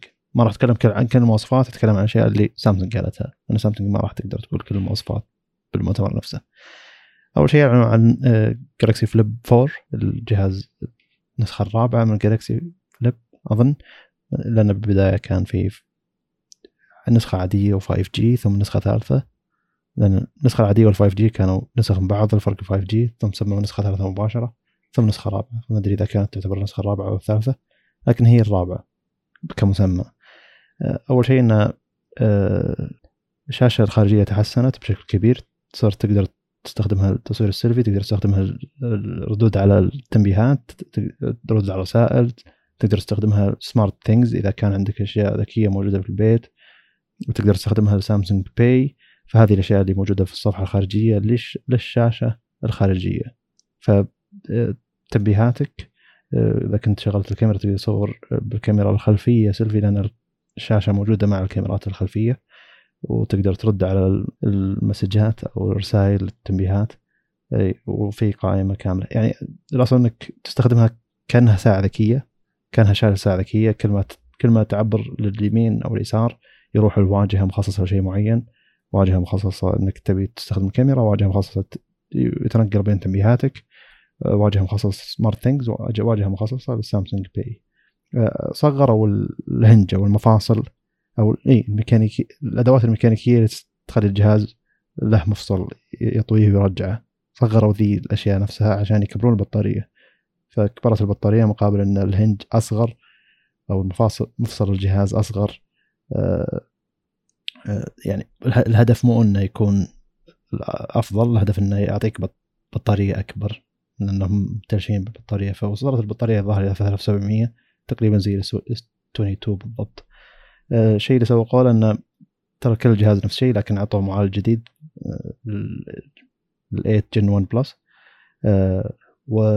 والكاميرات نفسها لكن كبروا نفس البكسلات من 1.4 إلى 1.8 microns.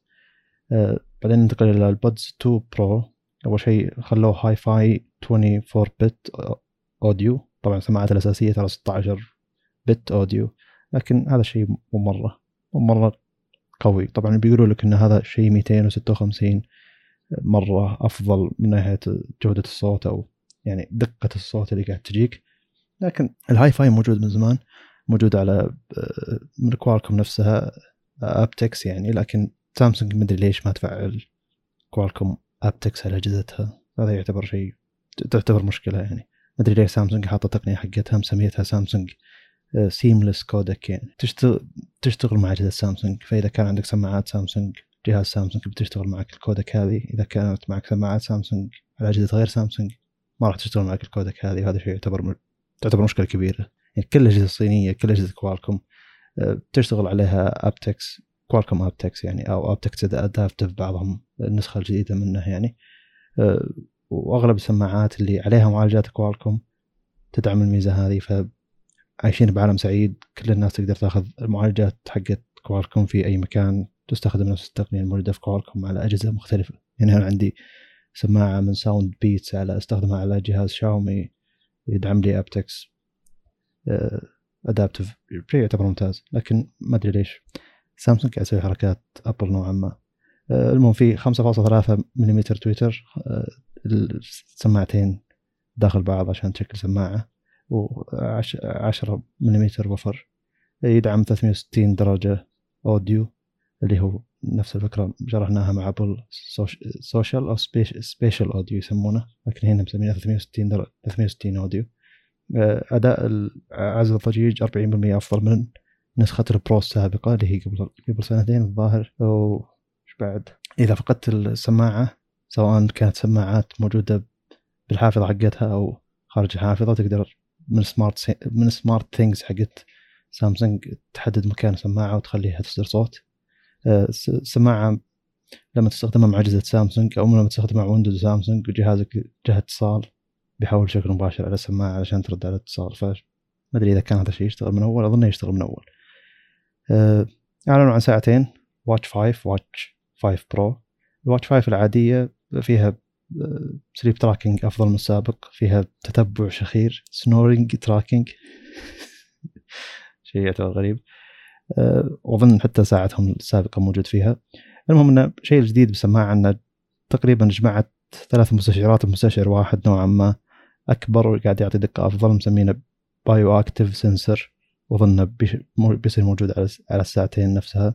بيكون في IR temperature sensor بحيث إنه يحدد درجة حرارتك أنت. السماعة ذي بتبدأ من 279 ال Watch 5 Pro بتكون آه، لها مخصصة لل hikers أكثر والناس اللي يحبون النشاطات الخارجية سواء ال hiking تمشي في البر يعني أو ال cycling قيادة الدراجات في آه، كرياضة يعني. آه، فبيكون بالواجهة نفسها الخارجية فيها بوصلة وبتحدد لك بالواجهة الخارجية متى موعد الشروق متى موعد الغروب بحيث إنك اذا كنت ناوي تنام أو إنك ناوي تصور أو بتعرف أنت الموعد حق الشروق الشروق والغروب مع انه أغلب يعني إحنا المسلمين في الغالب إن عندنا تطبيق للصلاة أو كذا يحدد لك. يعني تعرف موعد الشروق والغروب من التقويم اللي أنت عليه. آه، عشان صلاة ال... إيه، عشان ما يطلع موعد صلاة الفجر أو عشان دخل موعد صلاة المغرب. فهذه ميزة يعني إضافية للناس اللي قاعد تستخدم الساعة للنشاطات الخارجية. آه، وفيها رو... شيء مسمينه route workout وتقدر تشارك هذا مع مع زملائك بحيث إنك أنت مثلا معك دراجة هوائية قاعد قاعد تاخذ فيها طرق معينة آه، وتقدر تشارك فيها زميلك إذا كان هذا الشخص اللي معك قاعد يمارس نفس الهواية هذه مع ش... ساعة سامسونج تقدر تاخذون نفس ال- الطريق أو ال route هذا. وإذا ضعت بأي مكان ثاني بيسوي لك back track تقدر ترجع من نفس الطريق اللي أنت من نفس المكان اللي أنت وصلت له. طبعا الساعة نفسها فيه فيها GPS فمو لازم تاخذ معك جوالك عشان يصير الشيء هذا. آه، البطارية نفسها أكبر ب 1.6 يعني تقريبا آه، ضعف ونص يعني. آه، القزاز الخارجي للساعة sapphire glass أو كريستال أقصد والجسم حق الساعة titanium frame سعر الساعة 449 دولار. نجي لل Fold 4 آه، أول شيء small smaller bezels بكل مكان يعني. حواف أصغر للشاشة الخارجية والشاشة الداخلية. آه، الشاشة الداخلية غيروا فيها ترتيب البكسلات. بالعادة ترتيب البكسلات اللي هو بكسل الثاني بشكل صفوف ومربعات يعني.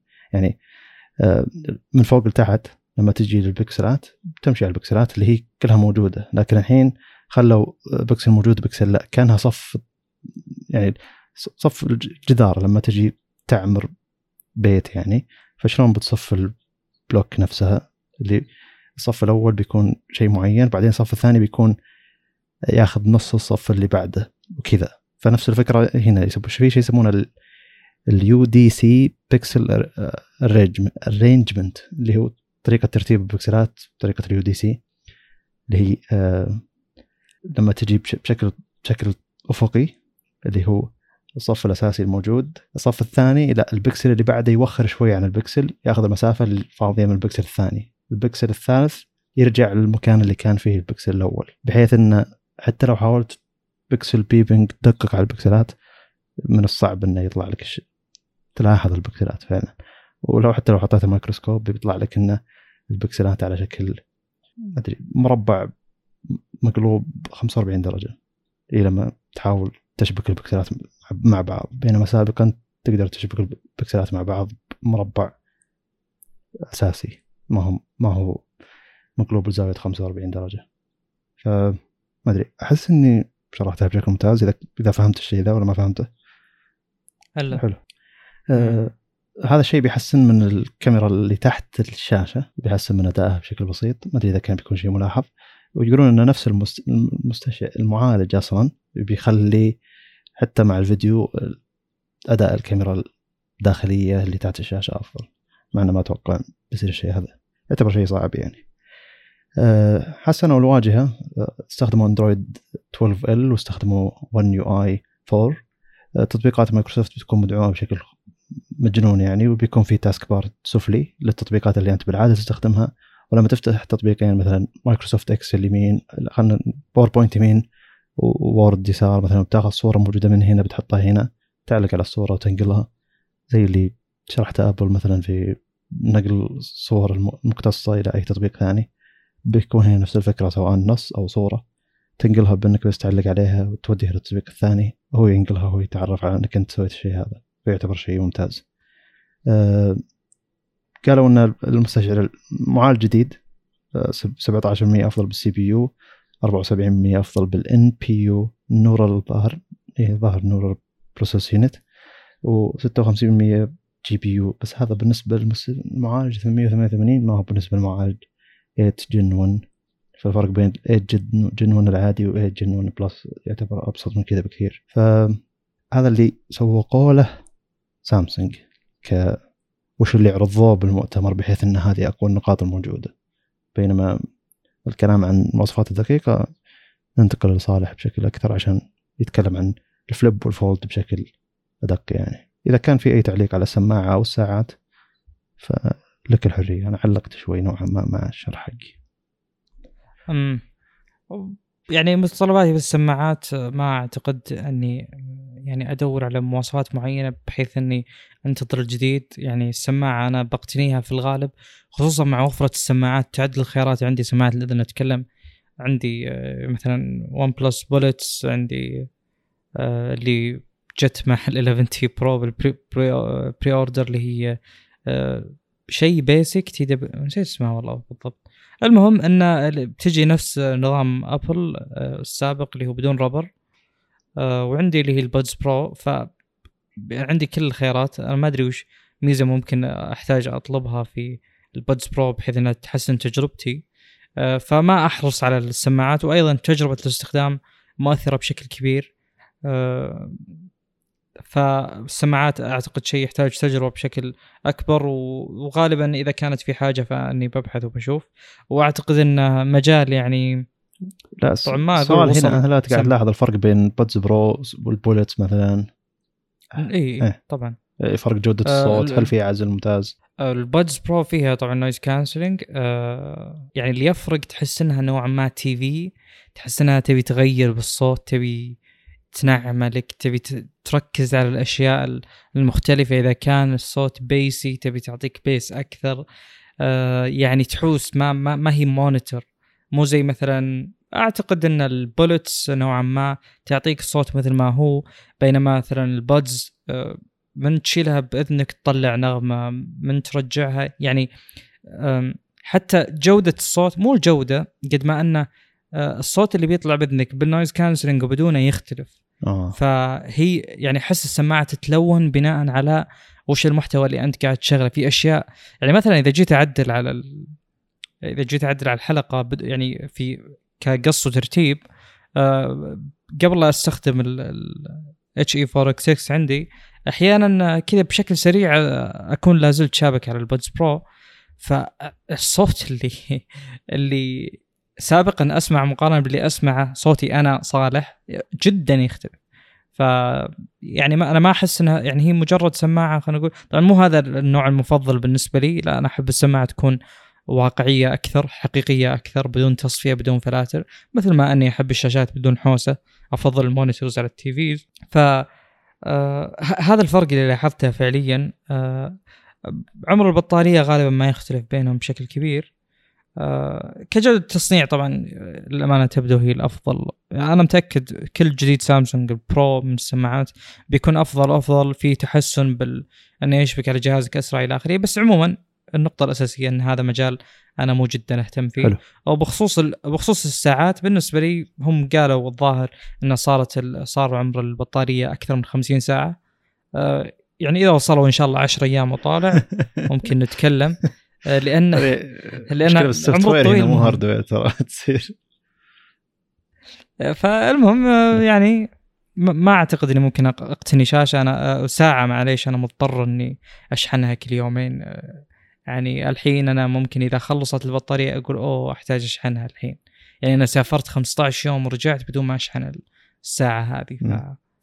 فما أحس إني أحتاج آه، إني أنتقل شيء كل يومين مهما حطيت لي مواصفات أنا ما أعتقد إني بحتاج شيء كبير. أنا كلاسيكي نوعا ما بالساعات. ما يعني حتى أول كنت أشغل إذا جيت أسوي workout يلا أشغل نوع ال workout مدري وش. والساعة إذا مشيت تقول لي تبي تسجل walking إذا مشيت يعني مشي طويل جدا. لكن هذه الأشياء ما تهمني صراحة. أنا أبي أعرف أشياء معينة. أحيانا أحس إني مو على بعضي أشوف الساعة يعني كذا أخمن نبض القلب عندي مرتفع أشوفه أوه مرتفع بعدين أبدأ أفكر وش الأسباب وأتذكر ممكن أحيانا تاكل carb عالي يعني يكون هو السبب في ارتفاع النبض وبالإضافة إلى شعورك بالحر بينما درجة حراره المكيف مثلا ما تغيرت درجة حراره المكان اللي أنت فيه ما تغيرت. هذه الأشياء اللي تهمني أنا. جميل. وطبعا النوم. آه، والإشعارات نوعا ما.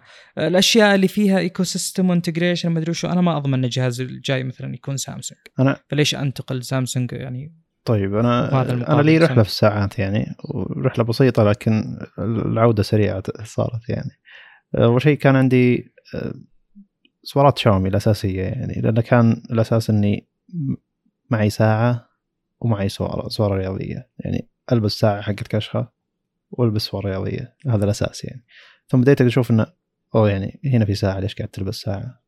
أنا من الناس اللي يحبون الساعات من زمان يعني من أيام المدرسة وقبل اللي ساعة ما تفارق يدي. ايا كان نوع الساعة. ف فمستغنيت عن الساعة وبديت اللي شريت أظن أي هاو هاوي هاوي Band 6 أو أونر Band 6 بالضبط وقعدت معي فترة طويلة وما زالت موجودة الحين. متمشخة ومتقطعة متكسرة يعني غير قابلة للاستخدام لأني أرجع لها بين فترة وفترة بصحيح إنها مرة متمشخة يعني. لكن آه، آه، الحوسة والروحه ذي كلها رجعت إلى ساعة شاومي شريت ساعة شاومي كذا بالصدفة زي اللي حصلت لي مبلغ ويلا شريتها وعجبتني لأن عندي مشكلة واحدة واللي تحصل بكل الساعات الدائرية إنه إذا ثنيت يدك كنت متكي على شيء أو شيء اللي تحفر. وش أقدر أسميه ذا؟ اي تحفر بيدي بالضبط إذا إذا ثنيت يدي على زاوية 90 مثلا اللي تبدأ تحفر بيدي فأحتاج ساعة مربعه علشان الشيء هذا أو إني أحتاج إني أبعد الساعة عن ال- ال- المرفق يعني مر- مرفق هو يسمونه. أحتاج أبعد الساعة. رسغ هي بالضبط أنا مفصل. الرسخ بالضبط يعني المفصل هذا. وما أبي أنا بعد الساعة عنه دائما أخليه قريب. فمع تخفيضات أمازون لقيت Watch Fit Elegant اللي هي نسخة stain- stainless steel شوي الصورة حقتها حلوة. أه، حصلت لي 250 ريال فشريتها وبعت شاومي مرة ثانية. والحين مستقر مع هواوي. لأن مشكلتي مع نظام شاومي من كثر ما أنه محجر على كل التطبيقات وذا مع إني معطي سماح لتطبيق هواوي إنه يستخدم بطارية ما عنده مشكلة. لأن ما زال تنبيهات ما توصل الساعة حتى أيام كانت الساعة شاومي اللي تجي فترة اللي أوه قاعد توصل التنبيهات بعدين تسحب عليك شوي بعدين لا ما أدري ليش وش السبب الشيء ذا بالضبط يعني؟ آه، إذا شافك ما تستخدم بلوتوث ولا ما أدري شو المشكلة لكن ما هو زي ون بلس أول. ون بلس اللي كل تنبيه قاعد يوصل لي الساعة بشكل مباشر وكان يعتبر نوعا ما مريح. لأن جميع أنواع البط... جميع أنواع الساعات اللي استخدمتها هي ساعات نوعا ما بدائية بالنسبة لبقية الساعات الموجودة بالسوق من سامسونج و آه، أبل. إلا أن البدائية ذي هي اللي أحتاجها مقابل أكثر من 10 أيام بطارية. فكل الساعات اللي انتقلت لها ترى هي كلها Lite OS سواء Lite OS اللي هو من هواوي سواء كانت ساعة من هواوي اونر شاومي مجرد فرق مسميات يعني. الا ان النظام من هواوي هذا شيء ما في كلام يعني وتكلمنا عنه سابقا. ف مهما تحط من مزايا وهوسه تجيب لي بطارية لازم أشحنها كل يوم أو يومين آه، ما يزال البدائية مع بطارية طويلة هي أهم بالنسبة لنا. والحين بدت شوي الفخامة فعشان كذا أخذت نسخة ال elegant يعني أساس أساس إنه شوي تمشي مع الثوب. الاونر باند 6 ما تمشي مع الثوب نهائيا تحس إنك لابس لع- لعبة مو ساعه فهذه يعني اللي صار لي بعالم ساعات وش اللي وش اللي على يدي الفترة الماضية بين ساعة وساعة. جميل. أه طيب نرجع للفولد والفليبات لا خليني ولا خليني نتكلم عن السماعات. بما اني عندي سماعة سماعتين ثلاث أربع سماعات على الطاولة الحين. سماعات لاسلكية داخل الإذن. فاظني مبحر بالمجال هذا عشان أقدر أتكلم عن سماعات بودز 2 برو. شوف آه، بالبداية أي سماعة تجي مع جهاز مو مشكلة خذها. بس إذا بتبحث عن أي سماعة ثانية روح اشتري سماعة من شركات صوتيات مختصة بالصوتيات مو تشتري سامسونج لأنك والله عندك جهاز سامسونج. لا لا مبلغ 700 ريال على سماعة صدقني شخصيا بجيب لك السماعة ب 350 400 ريال تتفوق بمراحل صوتيا على السماعة هذه. طبعا بتقول لي الحجم ال- الاسم طريقة توافق هذا ممكن هنا نقدر نقول أوكي. لكن إذا ما جت package كامل لا. ساوند كور ساوند بيتس ون مور أو تدور بال يعني قد قرأت تغريدة عن ال IEMs اللي عندي حقت كيزي مع الكيزي adapter حق البلوتوث حقها اللي يخليها true wireless هذه سماعة تعيش على أذني. وإذا رحت لأي سماعة ثانية الاحظ فرق soundstage بالذات يعني. خلك من إنه أوه والله في دقة بالهاي لا بالهاي اند واللو اند والبيس خلك من الكلام هذا. لا لا تحس إنه شيء اللي قاعد تسمعه ما تحس إنه موجود بس براسك. تحس إنه موجود بكل مكان حولك. فاذا قاعد تسمع بودكاست ما تحس إن الصوت في واحد قاعد براسك داخل كذا قاعد يتكلم. لا تحس إن الصوت موجود. حتى حولك. فاظن هذا شيء يسمونه soundstage فهذا هذه سماعة نوعا ما الوحيدة اللي قاعد تعطيني الشيء هذا اللي هي كيزي مع كيزي adapter بلوتوث تكلمت عنها بتويتر ونصحت فيها الناس. إذا كنت متقبل ان حجم السماعه كبير وسماعة تحطها على إذنك وباقي سماعة يدور ورا إذنك كانك كأنك لابس IEMs عادية يعني سلكية لكن توقف ورا إذنك بالضبط علشان البطارية حقتها. البطارية حقتها عمرها كبير. لكن يعني جودة الصوت تتفوق بمراحل على أي سماعة سمعتها بحياتي أنا شخصيا. يعني ممكن أفضل السماعات اللي سمعتها سماعات سوني ذي ال over-ear الكبيرة اللي أسعارها تقريبا ألف ريال وفوق. لكن يعني عالم ال IEMs والسماعات اللي داخل الإذن بما أنها موجودة داخل الإذن وفيها عزل صوتي بالسيليكون راح تعطيك أداء أفضل من كل السماعات اللي ال woofers وال tweeters حقت هذه الكبيرة سواء open back ولا closed back ايا يكن صدقني. المبلغ اللي تدفع على سماعات over-ear كبيرة آه، جودة الصوت فيها على نفس المبلغ على سماعة على IEMs خارجية سلكية سواء أو تحط لها adapter زي كذا. السماعات اللي داخل الاذن تفوق بمراحل صوتيا بمراحل بمراحل يعني شيء مرة بعيد صوتيا عن سماعات ال over-ear سماعات ال over-ear عشان تحصل جودة كبيرة لازم تبعد مرة مرة بالسعر بشكل مهول يعني. واي واحد عنده يعني إذا عندك 100 120 ريال زايدة عندك الحين راح اشتر مون دروب تشو سماعة اسمها مون دروب تشو تلقاها بأمازون سعوديه تلقاها بعلي اكسبرس أه، من أفضل ال IEMs اللي ممكن تشتريها يعني. وأنا تعجبت يعني. هي طبعا ما تقدر تفصلها عشان تركبها ال adapter لكن هي على 3.5 بشكل مباشر. طبعا الفكرة من ال IEMs انه السلك منفصل عن السماعة نفسها بحيث إن ال adapter حقها تقدر تركب عليها اسلاك كهرباء جوده واسلاك أجود من السلك اللي يجي مع السماعة نفسها فالناس يشترون اسلاك جودتها عالية جدا. وهو عالم كبير جدا الناس تدفع فيه فلوس كثيرة. لكن اللي عجبني بالعالم هذا إنه ولو إنه عندك مبلغ بسيط يعني 120 ريال 200 ريال ما يزال شيء موجود لك بالعالم هذا. وغرت عنه جاء تفاعل حلو صراحة. يعني طلع في ناس مهتمين بالمجال هذا. فإذا كنت تبحث عن جودة صوت هذا العالم حقه موجود. إذا كنت تبحث عن شيء بسيط وعزل واستخدام يومي بطاريه كبيرة ون مور كمفو بادز يعني من أفضل السماعات اللي 300 ريال. لأن العزل حقها من أفضل العزل الموجود بالسماعات.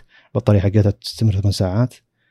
uh, وحتى ال ambient sound هذا جزء من التقييم ترى. إنك أنت ما تبي تشيل السماعه من عندك لكن تبي تسمع الناس اللي برا عشان يتكلمون معك. لما تشغل ال ambient sound بحيث إن الناس برا يسولفون معك تسمعهم بشكل طبيعي ما تحس إنك قاعد تسمعهم من مكبر أو من سماعة اذن فما تحس إنك لابس سماعة. ومرة مريحة يعني على المسمى كمفو بودز برو فهذه أهم سماعتين موجودة عندي. باقي سماعتين رخيصة واحدة حقت بلس وحقت ون بلس وواحده حقت ساوند Beats لكن أرجوك يعني لا تشتري سماعة سامسونج عشان جهازك سامسونج. لا تشتري سماعة من شاومي عشان جهازك شاومي. لا تشتري سماعة ون بلس عشان جهازك ون بلس. روح شركة متخصصة بالصوتيات اشتري سماعة حقتهم تعطيك أداء أفضل. وهذا شيء يعني المفروض انه ما يبي كلام يعني شركة شغلها شغلها شاغل إنها تسوي سماعات صوتية أكيد إنك تعطيك تجربة صوتية أفضل. فهنا لخص تجربتي ورايي بال buds 2 pro اللي هو إنه ما في شيء مميز مرة كبير عن اللي موجود بالسوق يعني. والسعر مره بعيد. أعتقد كل المؤتمر كل الأشياء اللي أعلنت عنها أعلن عنها فيه مجرد على قولتهم refinement أي شخص متابع السيارات مثلا آه هذا الشيء مشهورة في بورشا اللي هو انه كل جيل عن جيل آه، ما في شيء جذري يتغير. هذا الشيء مستبعد بشكل كبير جدا. من أول جيل ل 911 مثلا أتكلم عن 911 بالتحديد أغلب السيارات الأخرى باستثناء 718 كلها يعني rebadged من اودي ولا من الحلف اللي هم فيه.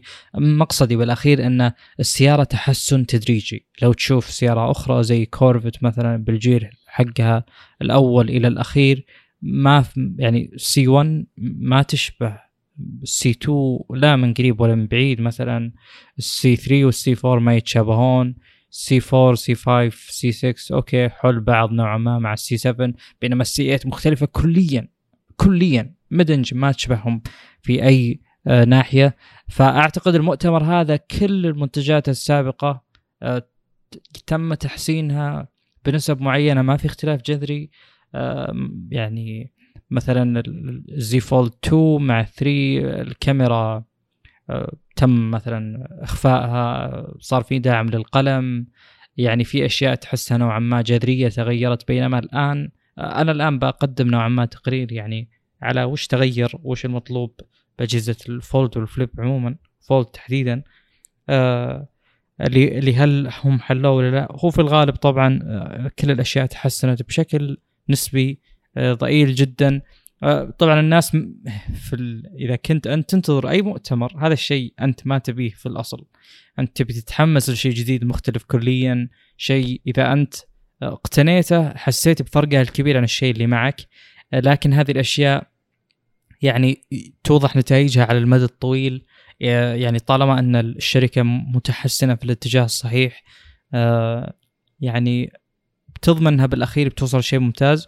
بينما شركة تغير بشكل شبه جذري سنويا مثلا ما تقدر تتنبأ بعد فترة وش بيصير بالضبط.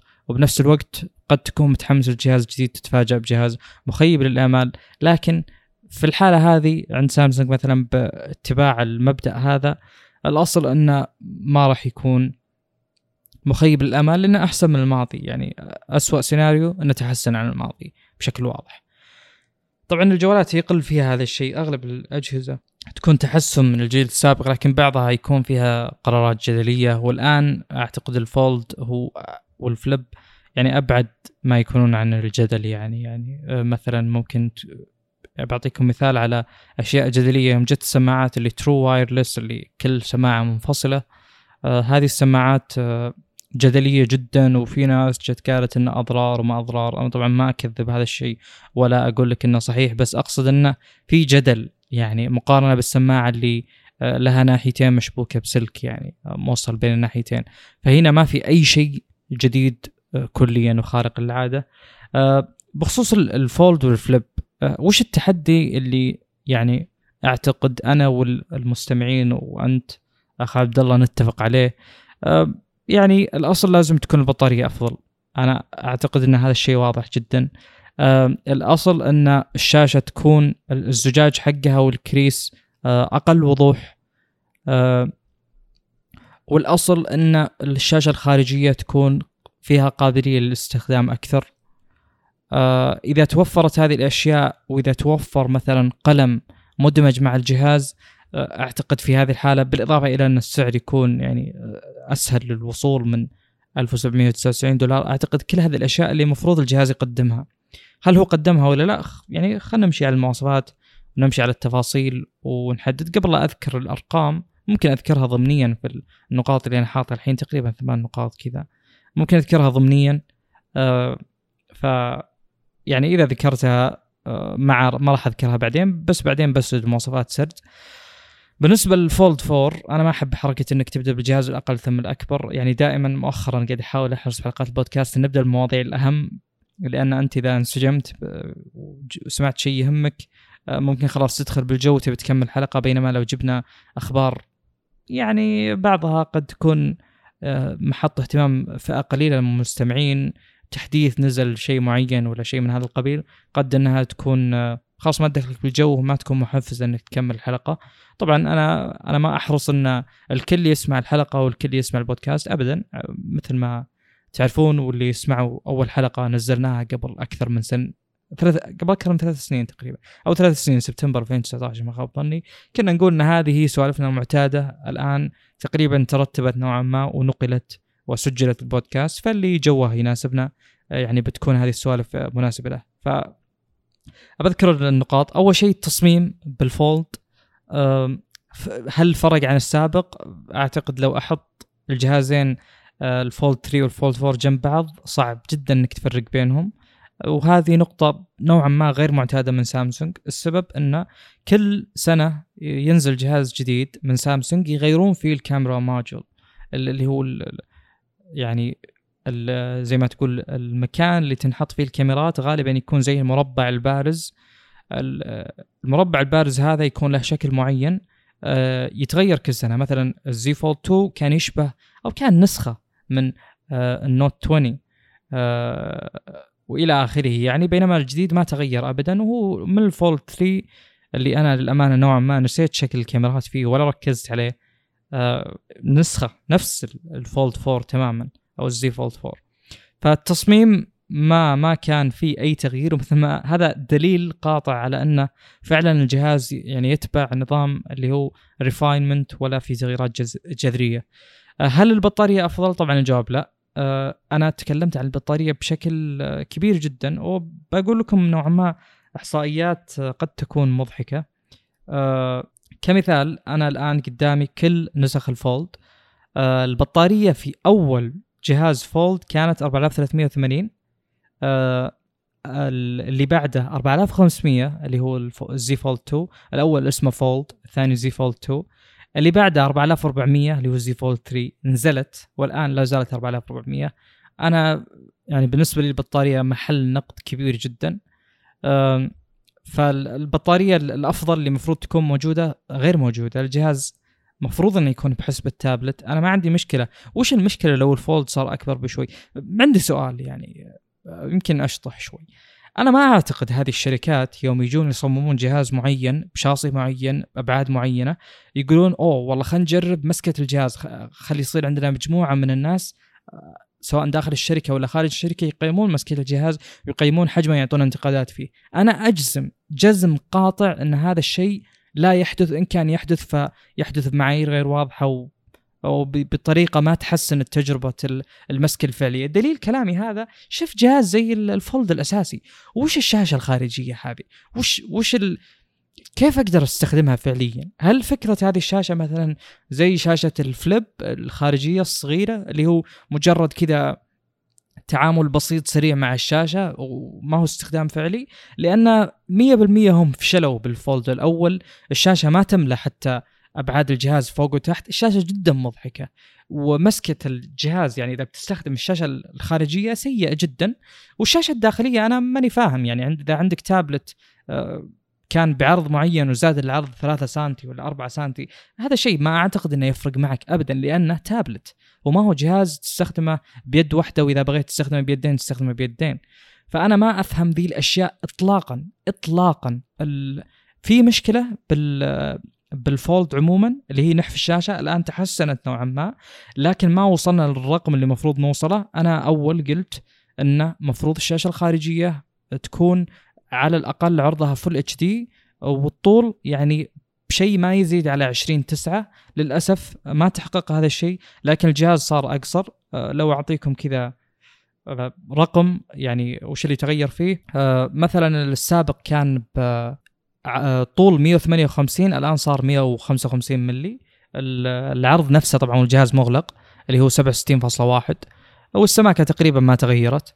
آه، الم- المقصد إنه آه، صح إنه في تحسن بسيط جدا بهذه الناحية لكن ما هو التحسن اللي إحنا نبيه. أنا أعتقد إن هذا الجهاز أي شخص يبيه آه، يكون آه، مثلا بعرض خلينا نقول S22 العادي آه، والطول ما في أي مشاكل كبر صغر بس أقصد تكون أبعادها نوعا ما فيها منطقية لأن الأبعاد الحالية أنا ما تعجبني. النقطة اللي بعدها تجي اللي هي الاشياء اللي المفروض الجهاز يحس- يحسنها اللي هي تجربة ال- القلم. آه، إحنا تكلمنا بشكل كبير جدا على الاس 21 القلم اللي اللي يدعمه آه، لكن ما يجي معاه الميزات اللاسلكية غير موجودة فيه. الجهاز هذا مثل الجهاز السابق بال Z Fold 3 بدأ دعم stylus والآن لا زال موجود. تحتاج تشتري cover فيه مكان للقلم. آه، بالنسبة لي ما في فائدة آه، لأن هذا يعطيك محدودية عالية جدا بالإضافة إلى أنه ما يعطيك كل الميزات اللي ممكن تحصل عليها من قلم. الجهاز كأنه يقول يعني أحتاج تستخدم قلم. طبعا مع مراعاة أنه يعني الآن في سلبية لوجود القلم إذا جيت تستخدمه في ال crease اللي هي النقطة اللي بعدها مفترض آه اللي هو كذا الحفرة أو الإنحناء اللي تحس فيه بيدك وبتحس فيه إذا جاء النور على منتصف الجهاز. فهذا لو تحسن بيحسن تجربة القلم. فإذا تحسن هذا الشيء الجهاز بيكون تحسه مفصل تفصيل على استخدام قلم معاه بحجمه أكبر آه، في أشياء كثيرة ممكن تستخدم القلم فيها. آه، فأنا إحنا ليش نذكر مثلا؟ يعني هذه نقطة مهمة نقطة إن إلغاء اللي هو الحفرة اللي بالنص أو الانحناء اللي بالنص. نقطة مهمة المفروض سامسونج تحلها. سامسونج من الرائدين أو الشركة الأبرز والرائدة في المجال فهي عليها مسؤولية حل هذه النقطة. إلا أن مثلا تروح تشوف أوبو بحسب الناس اللي استخدموا الأوبو إن يقولون الكريس حقه أقل وضوحا من الزي فولد 4 النقطة اللي بعدها آه هذه ذكرتها اللي هي موضوع إن الشاشة الخارجية على الأقل تكون مثلا 1080 ب 1920 آه لا دقيقة كذا كذا تكون تقريبا 16 9 آه تكون عادي 1000 2200 2300 آه ب 1080 مثلا بحيث إنها تكون أطول. آه والعرض يكون نيتف بحيث يوم تشغل مثلا مقاطع فيديو لو تبي تشغل على الشاشة الخارجية أو يعني أنا بالنسبة لي كل شيء يكون standard أحسن. آه عشان كذا مثلا أنتقد ال Apple Pro Display XDR اللي هو 6144 ب 3000 ومدري كم يعني أرقام عشوائية جدا. آه ممكن تعطيك محدوديات غريبة جدا. أي جهاز مثلا بأندرويد أقل من 1440 ما يقدر يشغل مقاطع يوتيوب ب 1440 آه إذا تستخدم Vanced غالبا تقدر أو تستخدم أي شيء third party لكن ما هو ما هي هذه الحالة المثالية اللي المفروض يعني نقيس عليها. بالنسبة للسعر هذه نقطة مهمة جدا تتدخل فيها أشياء تسويقية وأشياء يعني كذا ما هي متعلقة بالجهاز نفسه. يعني يوم أنا أرفع عليك سعر الجهاز لمجرد أن التكاليف التسويقية أعلى أنت تنقهر ممكن شوي تقول أن أنا أبي أدفع ال hardware اللي وصلني ما أبي أدفع على اشياء أخرى. يعني مثلا أنت قد تكون شخص تدور على النسخة القادمة من الفولد مثلا زي فولد 5 فأنت ما تحتاج تسويق عشان والله تروح تشتري الجهاز فيكون هذا الشيء مستفز لك نوعا ما. فأنا النقطة يعني كتبتها بطريقة إن هذا الجهاز لو كان يقدر يبيع أكثر بيقدر يرخص السعر. بمعنى انه مثلا لو هذا مثال دائما أضربه. لو كان مثلا تكلفة تصميم والتسويق لجهاز معين 10 مليون وتكلفة كل قطعة مثلا من الجهاز نفسه ألف ريال مثلا أو أيا كانت العملة اللي بنقيس عليها. فأنت عند نقطة معينة إذا ضربت هذا الرقم بكم تقريبا؟ ألف. إذا بعت ألف نسخة واليوم مليون نسخة بتكون تكلفة التصنيع مثل تكلفة التصميم أو تكلفة التسويق إلى آخره. فبهذه الحالة طبعا كل جهاز تبيعه بعدها بيكون عندك ربح الدخل فيه. يعني خلاص كل ما بعت أكثر كل ما قدرت ترخص الجهاز. آه، لأن يعني مثلا لو كانت تكلفة تصميم جهاز معين 10 مليون ايا كانت العملة. وجيت تبيع من الجهاز هذا جهاز واحد فقط فقطعا بتكون آه، تكلفة الجهاز 10 مليون وتكلفة تصنيعه اللي هو خلينا نقول 10 مليون و1000 آه، ف وهذا المثال أيضا يضرب بالسيارات. إذا كان إنتاج السيارة محدود بدل ما يكون سعرها مثلا 100 ألف دولار بيكون 500 ألف دولار. فكل ما قدروا يبيعون أكثر كل ما قدروا يرخصون السعر أكثر. فسامسونج لازم توصل لنقطة التعادل هذه اللي تقدر تخلي للجهاز مين ستريم الكل يشتريه بحيث انها تقدر تنزل سعره.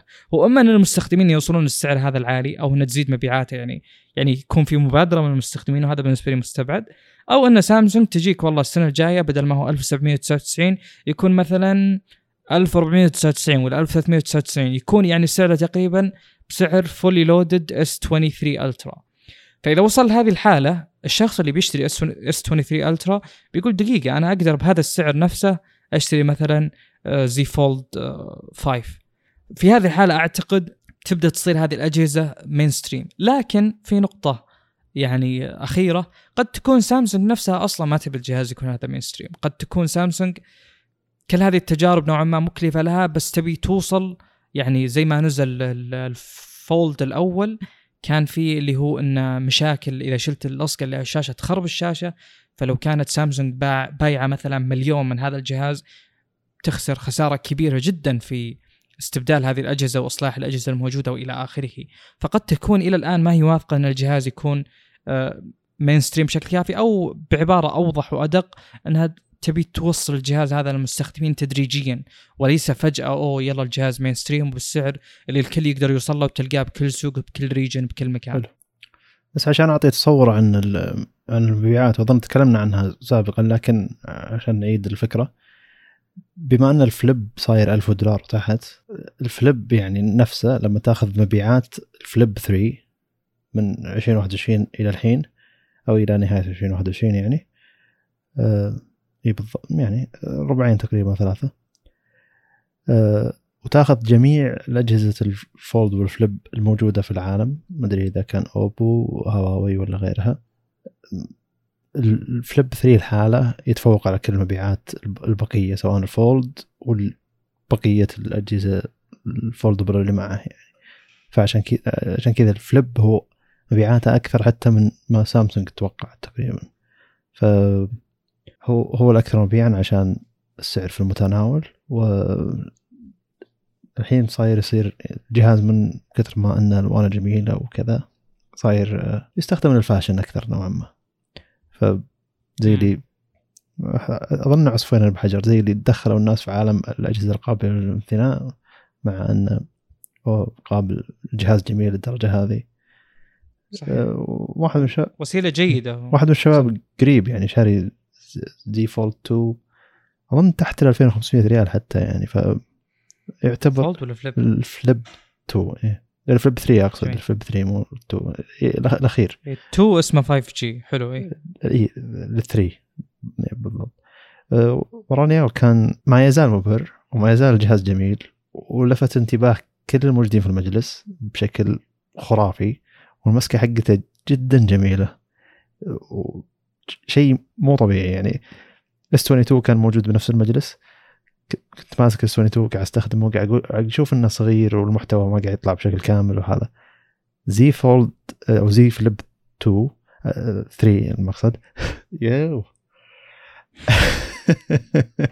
زي فليب 3 المسكة أفضل والمحتوى المعروض أكثر لأنه جهاز مرة طويل. ومو مشكلة إنه يكون جهاز مرة طويل بيدك يعني انت قاعد تستخدمه. لكن لما تجي تدخله بمخباك يعني تصفطه يكون مرة صغير. وخاصة الشخص ده ما يلبس ثوب كثير ف يقول الجهاز هذا ما دريت إن الجهاز المثالي لي. يقول أصلا كذا شوف فهمت اللي كنت بسافر جاء واحد من اللي حولي قال لي ترى في زي زي فليب 3 موجود إذا كنت تبي. بدل هواوي أظن كان مع هواوي هو. الهواوي حقي قاعد يرتفع حرارته وفي مشاكل بطارية. فيقول شريته عشان بس أمشي نفسي السفرة ثم إذا رجعت أفكر وش أشتري؟ فيقول لي لي آه يعني الحين هو جاي يشتكي البطارية طبعا فقلت له الحل إنك تحط شواحن لاسلكيه في كل مكان.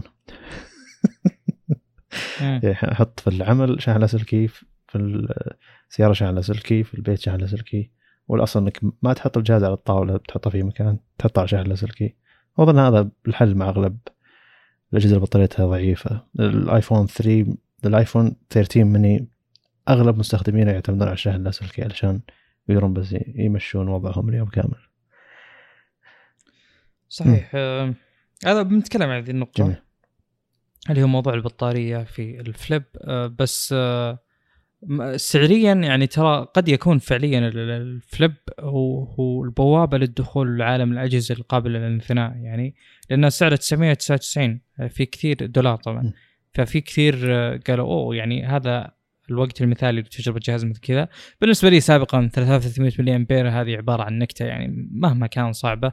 أنا بستخدم شاحن لاسلكي إذا البطارية 4200 يمكن ولا 4100 يعني شيء في هذا ال... في هذا النطاق وليس يعني هو صعب طبعا مثل ما ذكرت كثير يعني رقم البطارية ما يعني ابدا عمر البطارية. تعامل الجهاز معها يختلف نوع البطارية إلى آخره أشياء متغيرات كثيرة جدا صعب إنك تحصرها. بمعنى أن مثلا آه، أنا استخدمت جهازين متتاليا في نفس ال... كلهم آه، بنفس البطارية كسعة رقمية موجودة لكن يوم استخدمت جهازين هم 11T Pro وال S 22 Ultra ال S 22 Ultra مع ال resolution الأكبر والشاشة الأكبر والقلم وكل الأشياء ان بطاريتها عمرها أطول يعني باستخدامي. ف يعني من 15 إلى 20% أقدر أقول. فالأرقام أنا ما تعني لي شيء كبير لكن 3300 يعني شيء عبارة عن red flag كذا علم أحمر أبعد آه، بالنسبة لي طبعا. آه، بنتكلم عن النقطه لا تخاف. آه، آه، يعني آخر نقطة تكلمت عنها اللي هي موضوع السعر. آه، النقطة اللي بعدها تخص ال- آه، الكاميرات. الزي فولد 3 كان أول جهاز بالسلسلة الفولد يجي بالكاميرا الداخلية تكون آه، تحت الشاشة. آه، كانت نوعا ما يعني تقدر تشوفها بإضاءات معينة. الآن صارت آه، أقل وضوحا. ما تقدر تنتبه للكاميرا إلا إذا فعلا دققت وبزوايا جدا معينة وإلى آخره. لكن جودة الكاميرا نفسها لا زالت مثل الماضية تقريبا بالضبط. الكاميرا تعتمد بشكل كبير على ال post processing التعديلات ما بعد الالتقاط بحيث إنها تعدل أشياء مثل ال shadows وال highlights وإلى آخره الأماكن الساطعة الأماكن الداكنة لأنه صعب عليه إنها تلتقط هذه التفاصيل. بالنسبة لي أنا ذكرت كثير آه، يعني الكاميرا الداخلية ما تهمني لكن هم دائما يسوقون الجهاز على إنه والله بتستخدم ال video calls وأنت فاتح الجهاز وتثنيه نوعا ما بوضعية زي وضعية اللابتوب مثلا الكلاسيكي. فأنا أعتقد ان فيه احتياج للكاميرا خلينا نقول الأمامية. آه، الكاميرا الخارجية آه، ما هي تحت الشاشة ويبدو لي إنها أفضل. آم، مقصدي في ذكر هذه النقطة وافتراضية تحسنها لو تشوفون أجهزة زي آه، يوم نزلت أظن هواوي آه، الميت إكس اسمه أو شيء من هذا القبيل. المهم أنه انثناء عكسي ما هو أن الشاشة تكون على الداخل وخلاص تحتاج شاشة خارجية. كانت هي شاشة واحدة آه، لو ثنيت الجهاز بطريقة معينة بتكون تقدر تشوف الكاميرا أو لو ثنيتها بطريقة أخرى تصير الكاميرا خلفية فهي نفس الكاميرا فأنت تقدر تستفيد منها في يعني مثلا آه، الفليب آه، أنا ما أحتاج يعني الكاميرا الأمامية على الإطلاق آه، طالما أن عندي كاميرا خلفية وجنبها شاشة مثلا. أقدر أستخدمها كسيلفي. قد أحتاجها بس أتكلم على أهميتها قليلة جدا. يعني أنا أفضل أن تكون الكاميرا الأمامية تحت الشاشة يعني ما تخرب علي الرؤية على أني أستفيد منها لأن استفادتي منها محدودة. أنا شخص ما أهتم طبعا. أنا ما أدري إيش ممكن يسوون مستقبلا. الأصل تحسين جودة الكاميرا الأمامية لكن الأكيد إن الطريق جدا طويل لأن الكاميرا قاعد تسوء مع وجودها تحت الشاشة. أه تحسن الكاميرات الأمامية أصلا يعني نوعا ما أه أخذ وقت على إنه يوصل اللي عليه. فكيف لو تحط شيء يصعب العملية كذا؟ أه بيعتمدون على الذكاء الاصطناعي بشكل كبير أكيد لتوفير نتائج ممتازة. لكن يعني ما أدري الطريق نوعا ما مظلم من هذه الناحية. بالنسبة لي يعني لو تحط لي آه، لو لو أنا ملزم على الكاميرا الأمامية أفضل إنها بوب اب زي الأجهزة الحلوة اللي طلعت لنا فترة معينة وبدأت تختفي الآن اللي هم الأجهزة اللي من شاومي K 30 Ultra وال Mi 9T Pro اللي هو ال K 20 Pro وال Poco F 2 Pro غريبة بالجمال هذا طبعاً. يروح ويرجع يعني يجي ويختفي المفروض ما يختفي نعم أتفق. هو لأن لأن مو كل الأجهزة كانت أو مو كل الشركات كانت نوعا ما يعني آه، تبي هذه الناحية. آه، هي قرارات إدارية أعتقد بالأخير وحساب تكلفة وأشياء من هذا القبيل. شركات زي شاومي عندها القدرة المالية أو الاداريه إنها تجرب. شركات زي سامسونج ما أعتقد إنها يعني ممكن تجرب على شاشة بس مو منطقي بالنسبة لها إنها تجرب على كاميرا. أعتقد هذا كل الكلام. يعني مجرد توقعات. هذه كل النقاط اللي اللي أبي أذكرها بخصوص ال- الفولد ك وش المفروض يحسن واللي ذكرناه اللي هو موضوع ال- البطارية موضوع دعم القلم المباشر موضوع اللي هو إنه يكون القلم بلتن موضوع إنه الكريس يكون ما هو موجود الشاشه الخارجية تكون فيها قابلية أكثر للاستخدام. أنا بالنسبة لي هذه أربع نقاط تحسنها الجهاز تزيد احتمالية شرائي له. ما تتحسن والله مهما صار يعني الآن مثلا ضافوا ميزات حلوة زي انه فيه زي ال task bar نفس الفكرة إنه قائمة ال- الأيقونات السفلية ثابتة. فأنت عندك مثلا حاط خمس تطبيقات تحت من ضمنها مثلا تطبيق المكالمات آه، بالإضافة إلى تطبيق تواصل مثلا وتطبيق رسائل. هذه إذا دخلت على تطبيق تبقى موجودة تحت بس بشكل زي ال task bar بحيث إنك تقدر تتنقل بينها وتوصل لها بشكل أسرع. ممتازة ممتازة بلا أدنى شك. كل ميزات ال software يمكن تضاف ممتازة. لكن بعد هذا كله يوم تقول لي والله روح ال- فرع من فروع سامسونج جرب تستخدم الجهاز. أشوف ال crease أشوف جودة الشاشة اللي نوعا ما flimsy ما أدري وش يسمونها. يعني قابلة للضغط ما هي كذا solid زي القزاز ما هي صلبة تماما. بالنسبة لي يعني أنا أفضل إنها تكون يعني بشكل أكثر فخامة أكثر صلابة إلى آخره على أنها تكون بهذه الطريقة. فأنا ما أعتقد إني ممكن يعني أنا وصلت ترى لمرحلة إني أقدمت بشكل كبير خلاص تقريبا بشتري اللي هو ال Fold 2 ال Z Fold 2 بس بعدين قلت تدري خليني أنتظر لل Fold 3 لأنه مرة صار قريب والسعر ما راح يفرق معي كثير. أبي أجرب أبي أشتري. فجاء اللي بعده يعني البطارية اللي أنا متأمل إنها تتحسن صارت أقل فصار المحفز آه، منفر إني أشتري الجهاز. فالمهم هذه الأشياء هي اللي المفروض تنحل. آه، مثلا البطارية شحنها 25 واط كان ولا زال الآن. فما يعني في أشياء لابد إنها فعلا تتحسن على إضافة كل هذه الميزات اللي بالنسبة لي ما يعني ما ماني مهتم لها بشكل كبير. طيب آه، يعني بالمصادفة كذا شيء كذا بذكره وأنا اسرد لكم المواصفات ترى هذا أخف جهاز فولد بالتاريخ على الإطلاق. آه، أول نسخة كانت 276 جرام ثم 282 ثم 271 ثم الآن 263 فالجهاز يعني نسبيا يعتبر خفيف. آه، ما في اختلافات كبيرة كان IPX8 لا زال. ال resolution حق الشاشة زاد بشكل بسيط تكلم الداخليه زاد ما أدري الطول والعرض يلخبط بذا الجهاز. كان 1768 ب 2208 صار 1812 فزاد مع 2176 مقابل 2208 طيب هنا هنا في شيء. كثافة البكسلات صارت أقل بواحد سم. هنا في شيء يعني ودائما إحنا نتكلم عنه يعني إن حجم الشاشة من الزاوية للزاوية ما تعني مساحة الشاشة. وهذا نعم. يعني الفولد معطيك معطينا مثال يعني زي اللي شفت شلون؟ يعني ما قلنا لكم. يعني بالضبط كذا إنه كل الشاشتين 7.6 بينما هنا استغلال مساحة 90.1 تقريبا 90.9 وهناك 88.8 هنا حجم الشاشة يعني حجم الشاشة لما تضرب الطول في العرض اللي هو 183.2 سنتيمتر مربع بينما الثانية 179.9 سنتيمتر مربع فتقريبا فرق 4 يعني 3.3 سنتيمتر مربع. واستغلال المساحات وهذا لأن هنا يفرق الطول والعرض إلا انه مساحة من يعني لأن المسافة من الزاوية للزاوية هي نفسها. كل الشاشتين سبعة ستة نعم. لكن شاشة أكبر من شاشة. عشان بس إني إذا كنت شخص يفهم رياضيات قصرت الجهاز. اي ترى اي أنت قصرت الجهاز لكن عرضت الجهاز. لكن في مساحة زيادة اللي من الزاوية للزاوية ما هو قياس صحيح نهائيا لكن هو يعطي تصور إذا كانت الشاشة 16 9 لأن إحنا نعرف 16 9 شلون يكون حجمه.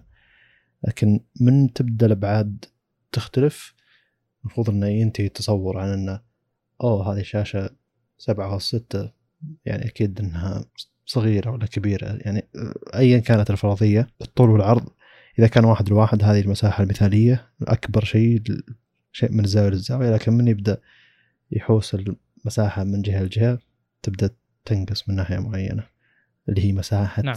الشاشة وليس القطر من الزاوية للزاوية إيه يعني تقدر كذا rule of thumb على قولتهم القاعده كذا الأساسية وأنت تشوف أرقام وابعاد الشاشات آه، كل ما تقاربوا الرقمين كل ما صارت الشاشه أكبر آه، كل ما صاروا مثلا الآن لو أعطيك مثلا يعني 30 سنتيمتر أقول لك يلا صمم فيها شاشة لو حطيت مثلا الطول 20 والعرض 10 وشخص آخر حط الطول 15 والعرض 15 أنت استخدمت 30 سم صح؟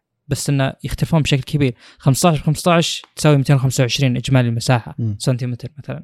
بينما 10 في 20 تساوي 200 فكل ما تقاربوا الرقمين وفي هذه الحالة تقاربوا الرقمين يعني كانوا 1768 ب 2208 تقريبا ما أدري كم 430 440 الفرق بينهم. بينما الآن صار 1812 ب 2176 فزادت عندنا بدل ال 700 صارت 800 وبدل ال 200 صارت 176 يعني فكل ما تقاربوا كل ما عندك مساحة زايدة هي. حقيقية داخل الشاشه مم، نعم بالضبط. وطبعا يعني في هذه الحالة آه، هو صعب صعب توصل لتناسق ممتاز بين الشاشة الخارجية والداخلية بمعنى أن لو وصلت شاشة مربعة داخليا فالشاشة الخارجية بتكون عريضة فعرض المحتوى لا هو زين داخليا ولا هو خارجيا. ما هو مثالي بأي من الحالتين فلو صار الجهاز مربع وتشغل عليه مثلا محتوى من قناتي أنا حرفيا اعتقد أعتقد نص الشاشة بيشتغل فقط. آه، فيعني آه، ما ما أدري وش الأفضل. أنا بالنسبة لي مو لازم تعطي أولوية لعرض المحتوى بس عط أولوية للشاشة الخارجية أنها تكون ممتازة لأن تأثير استخدام الشاشة الخارجية في الأبعاد على الشاشة الداخلية ما هو ما هو كبير ابدا. لو صار الجهاز أعرض شوي بالشاشة الخارجية بيكون أعرض شوي من داخل ما في أي مشكلة يعني ما أعتقد إنها ما أعتقد إنها مشكلة نهائيا. تكلمت على هذه النقطة كثير وعدتها كثير. النقاط الأخرى اللي ممكن تستحق الذكر إنه صار يتوفر بتيرا أه، تخزين مع 12 جيجا RAM كل السعات أه، مع 12 جيجا RAM حتى السابق في نفس الحالة ما تغير. أه، يقولون الكاميرات تحسنت صارت الأساسية ال wide 50 ميجا بكسل 1.8 مقابل الماضية 12 ميجا بكسل. نفس عدد الكاميرات ال telephoto صارت 10 ميجا بكسل سابقا 12 ميجا بكسل. طبعا ميجا بكسل ما يهم. أه، ما أعتقد في شيء آخر يستحق الذكر. يعني هذه كل المواصفات اجمالا. يعني ما في أشياء كثير تغيرت. الكاميرا اللي تحت الشاشة 4 ميجا بكسل آه، اللي في الأمام يعني في خارج الجهاز 10 ميجا بكسل. آه، البطاريات كلها مواصفاتها ذكرناها سابقا 4400 الشاحن 25 واط. ف يعني في في في أماكن كثيرة ممكن تنتقد الجهاز أو ممكن تصرفك عن شراء الجهاز. عندك شيء بتقوله صح؟ أحس إني أفتقد سامسونج القديمة يعني نوعا ما اللي هو في جهاز خرافي بداية السنة وجهاز خرافي ثاني معدل أكثر نهاية السنة. نعم أتفق. يعني أتفق. يعني متحسف أنا على إن ال 8 Gen Plus مثلا ما هو موجود على Note جديد بدل ما هو موجود على بدل ما إن المعالج اللي قبله موجود على S22 Ultra يعني حتى ش... حتى Qualcomm نفسها قاعد تصدر معالجين المعالج الثاني يعتبر أفضل بتوفير الطاقة نعم. بلا ادنى شك اتفق بهذه النقطة أن الجهاز الثاني بالسنة من سامسونج الأصل الأصل انه يكون جهاز فعلي تطوري من اللي مثله السنة الماضية ويكون أحسن من الجهاز. اللي نزل بداية السنة على أنك والله تعطيني فليب وفولد أنا جدا أفضل أرحب طبعا بكل شيء جديد بلا ادنى شك لكن أن كل ال... كل الشركات ماشية على جهازين بالسنة. ودائما تحس يعني- يعني الاس سابقا تحس إنه مستعجلين عشان يحطون المعالج الجديد عليه ويشوفون وش بيصير كذا اللي. يلا خلنا نعجل عشان ننزل أحسن جهاز بالسنة. هو يصير أحسن جهاز بالسنة ما نقول لا يعني. بس إنه دائما تجي مشاكل صغيرة من هنا ومن هنا تخرب التجربة.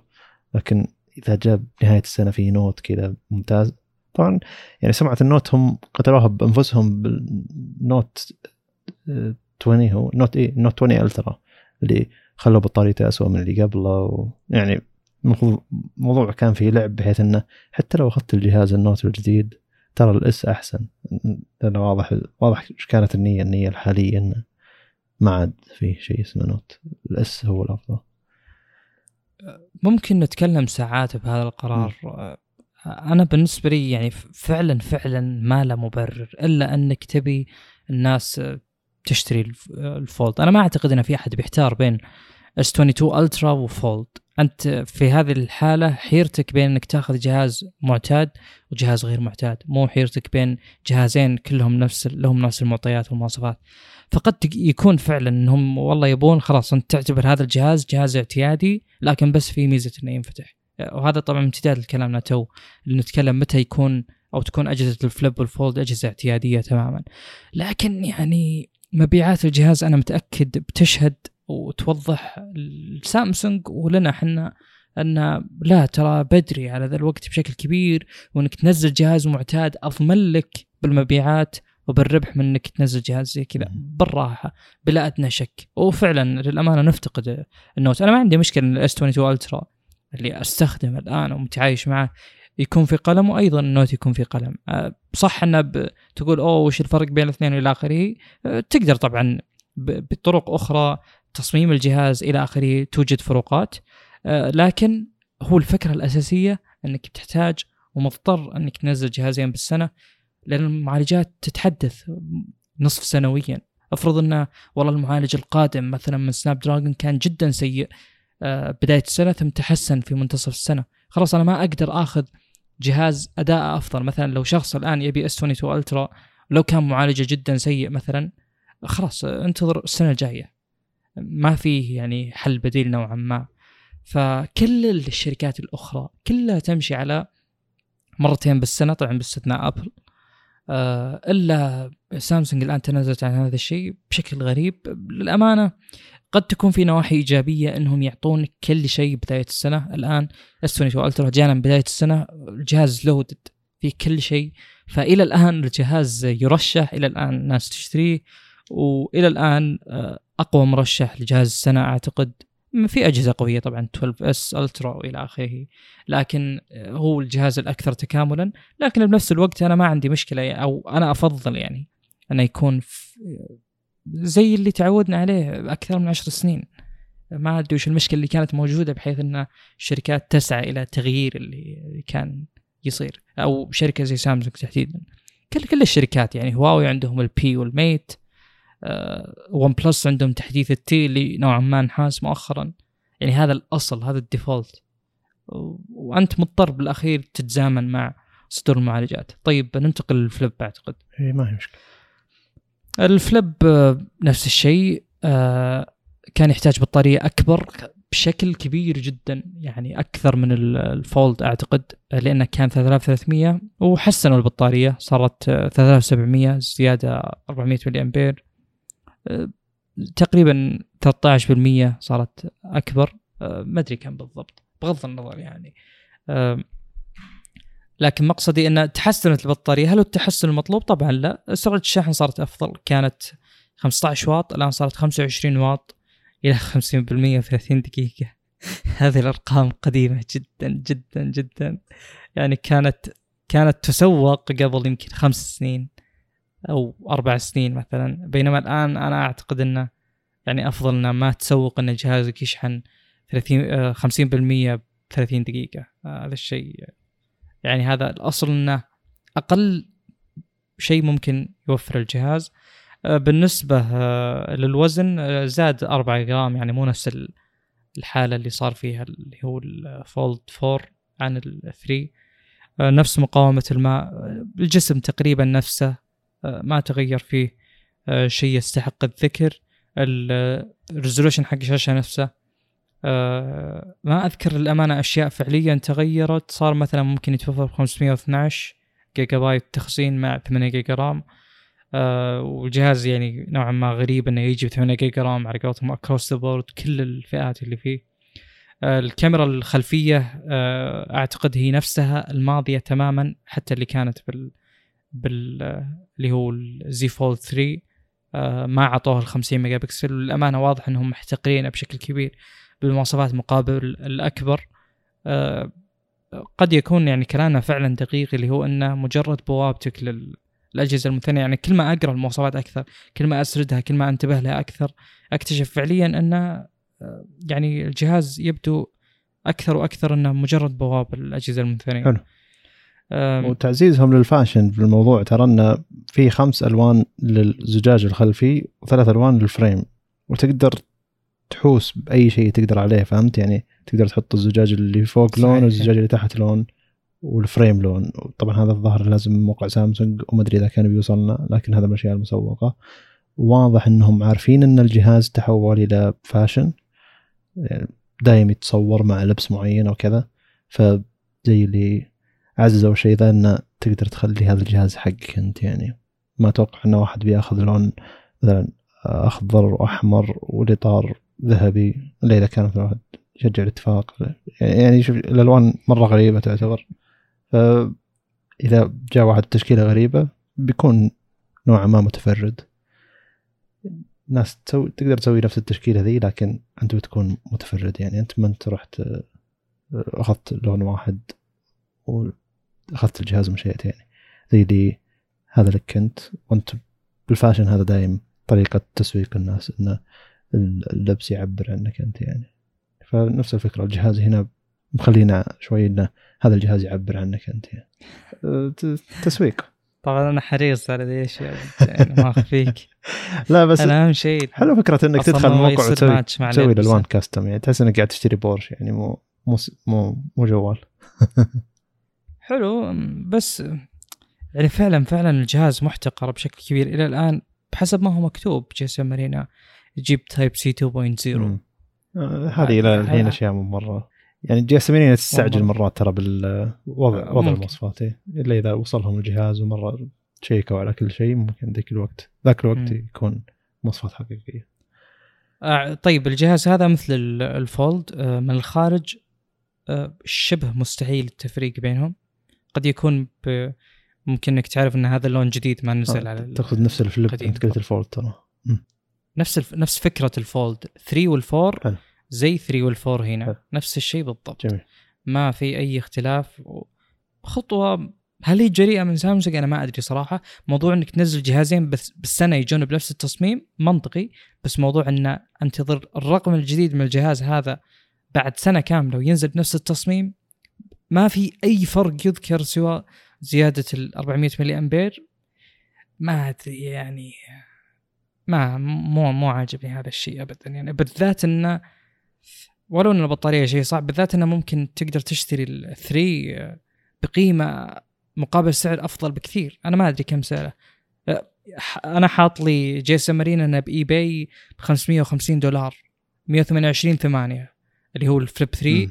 أه، مقابل 999 دولار Flip 4 فبالنسبه لي بوفر 450 دولار مقابل 400 ملي امبير ممكن أسوي هذا الشيء قلت لك الحين تلقاه بأقل من جداً. 2900 ريال آه، الجهاز موجود بالسوق عندنا يعني جميل هو. يعني ج- هو بالدولار بأقل من 2000 ريال إيه. جهاز. يعني جهاز للنساء بالذات يعني والنسخة الذهبية جميل وملفت للانتباه إلى درجة عجيبة والله يعني مو مع ان النسخة اللي شفتها أنا مو ذهبية لأن يعني لما تجلس بمجلس تطلع الجهاز تفتحه اللي كل الناس اللي ها يعني أوكي. وين وصلنا؟ اللي حتى وقد- حتى بعضهم بعض الشباب اللي حولي كانوا يشوفوا الجهاز ب Snapchat يقول هذا شيء حقيقي يقول أحس إنه من. حقين الدعايات الكبية يعني اللي. تطلع لك أشياء من المستقبل ولا شيء ما أدري يبي فكان يشوفها من الدعايات اللي بين Snapchat ويقول يقول ذا الشيء موجود ولا الناس تلعب علينا يقول لا موجود ود- وريته إنه ترى في Fold و Flip ولهم سنتين ثلاثة فهمت اللي وكذا اللي زي مخه تفجر قدامي يعني اللي رجال مرة. مستغرب حلو إنك تشوف ردة الفعل ذي لكن آه، إلى درجة إن الناس مو مصدقة انه في شاشه تنثني وجهاز موجود ينباع إنه ينصفط فردة الفعل ذي من الناس البسيطة جميلة. آه، طيب. مهم. مم. قلت لك آه، النقطة الأخيرة قد أحد يجادل آه أن وأنت أتوقع منهم أن 888 أضمن من 8 لا هذا 8 plus gen آه. معليش ك- كنت حلو حلو كنت ممكن أقارن أن ال- يعني 88 مقابل 8 gen 1 ممكن ممكن يعني يكونوا بنفس ال level لأن هذا آه، شوي في حرارة استهلاك طاقة بس لا تذكرت أن المعالج الجديد في في الجهاز الجديد هذا. عموما يبدو أن باستثناء مثل ما قلت 400 ملي امبير أن الجهاز يعني نوعا ما واضح أن الفلوس ما ما راحت له تطويريا. ابدا.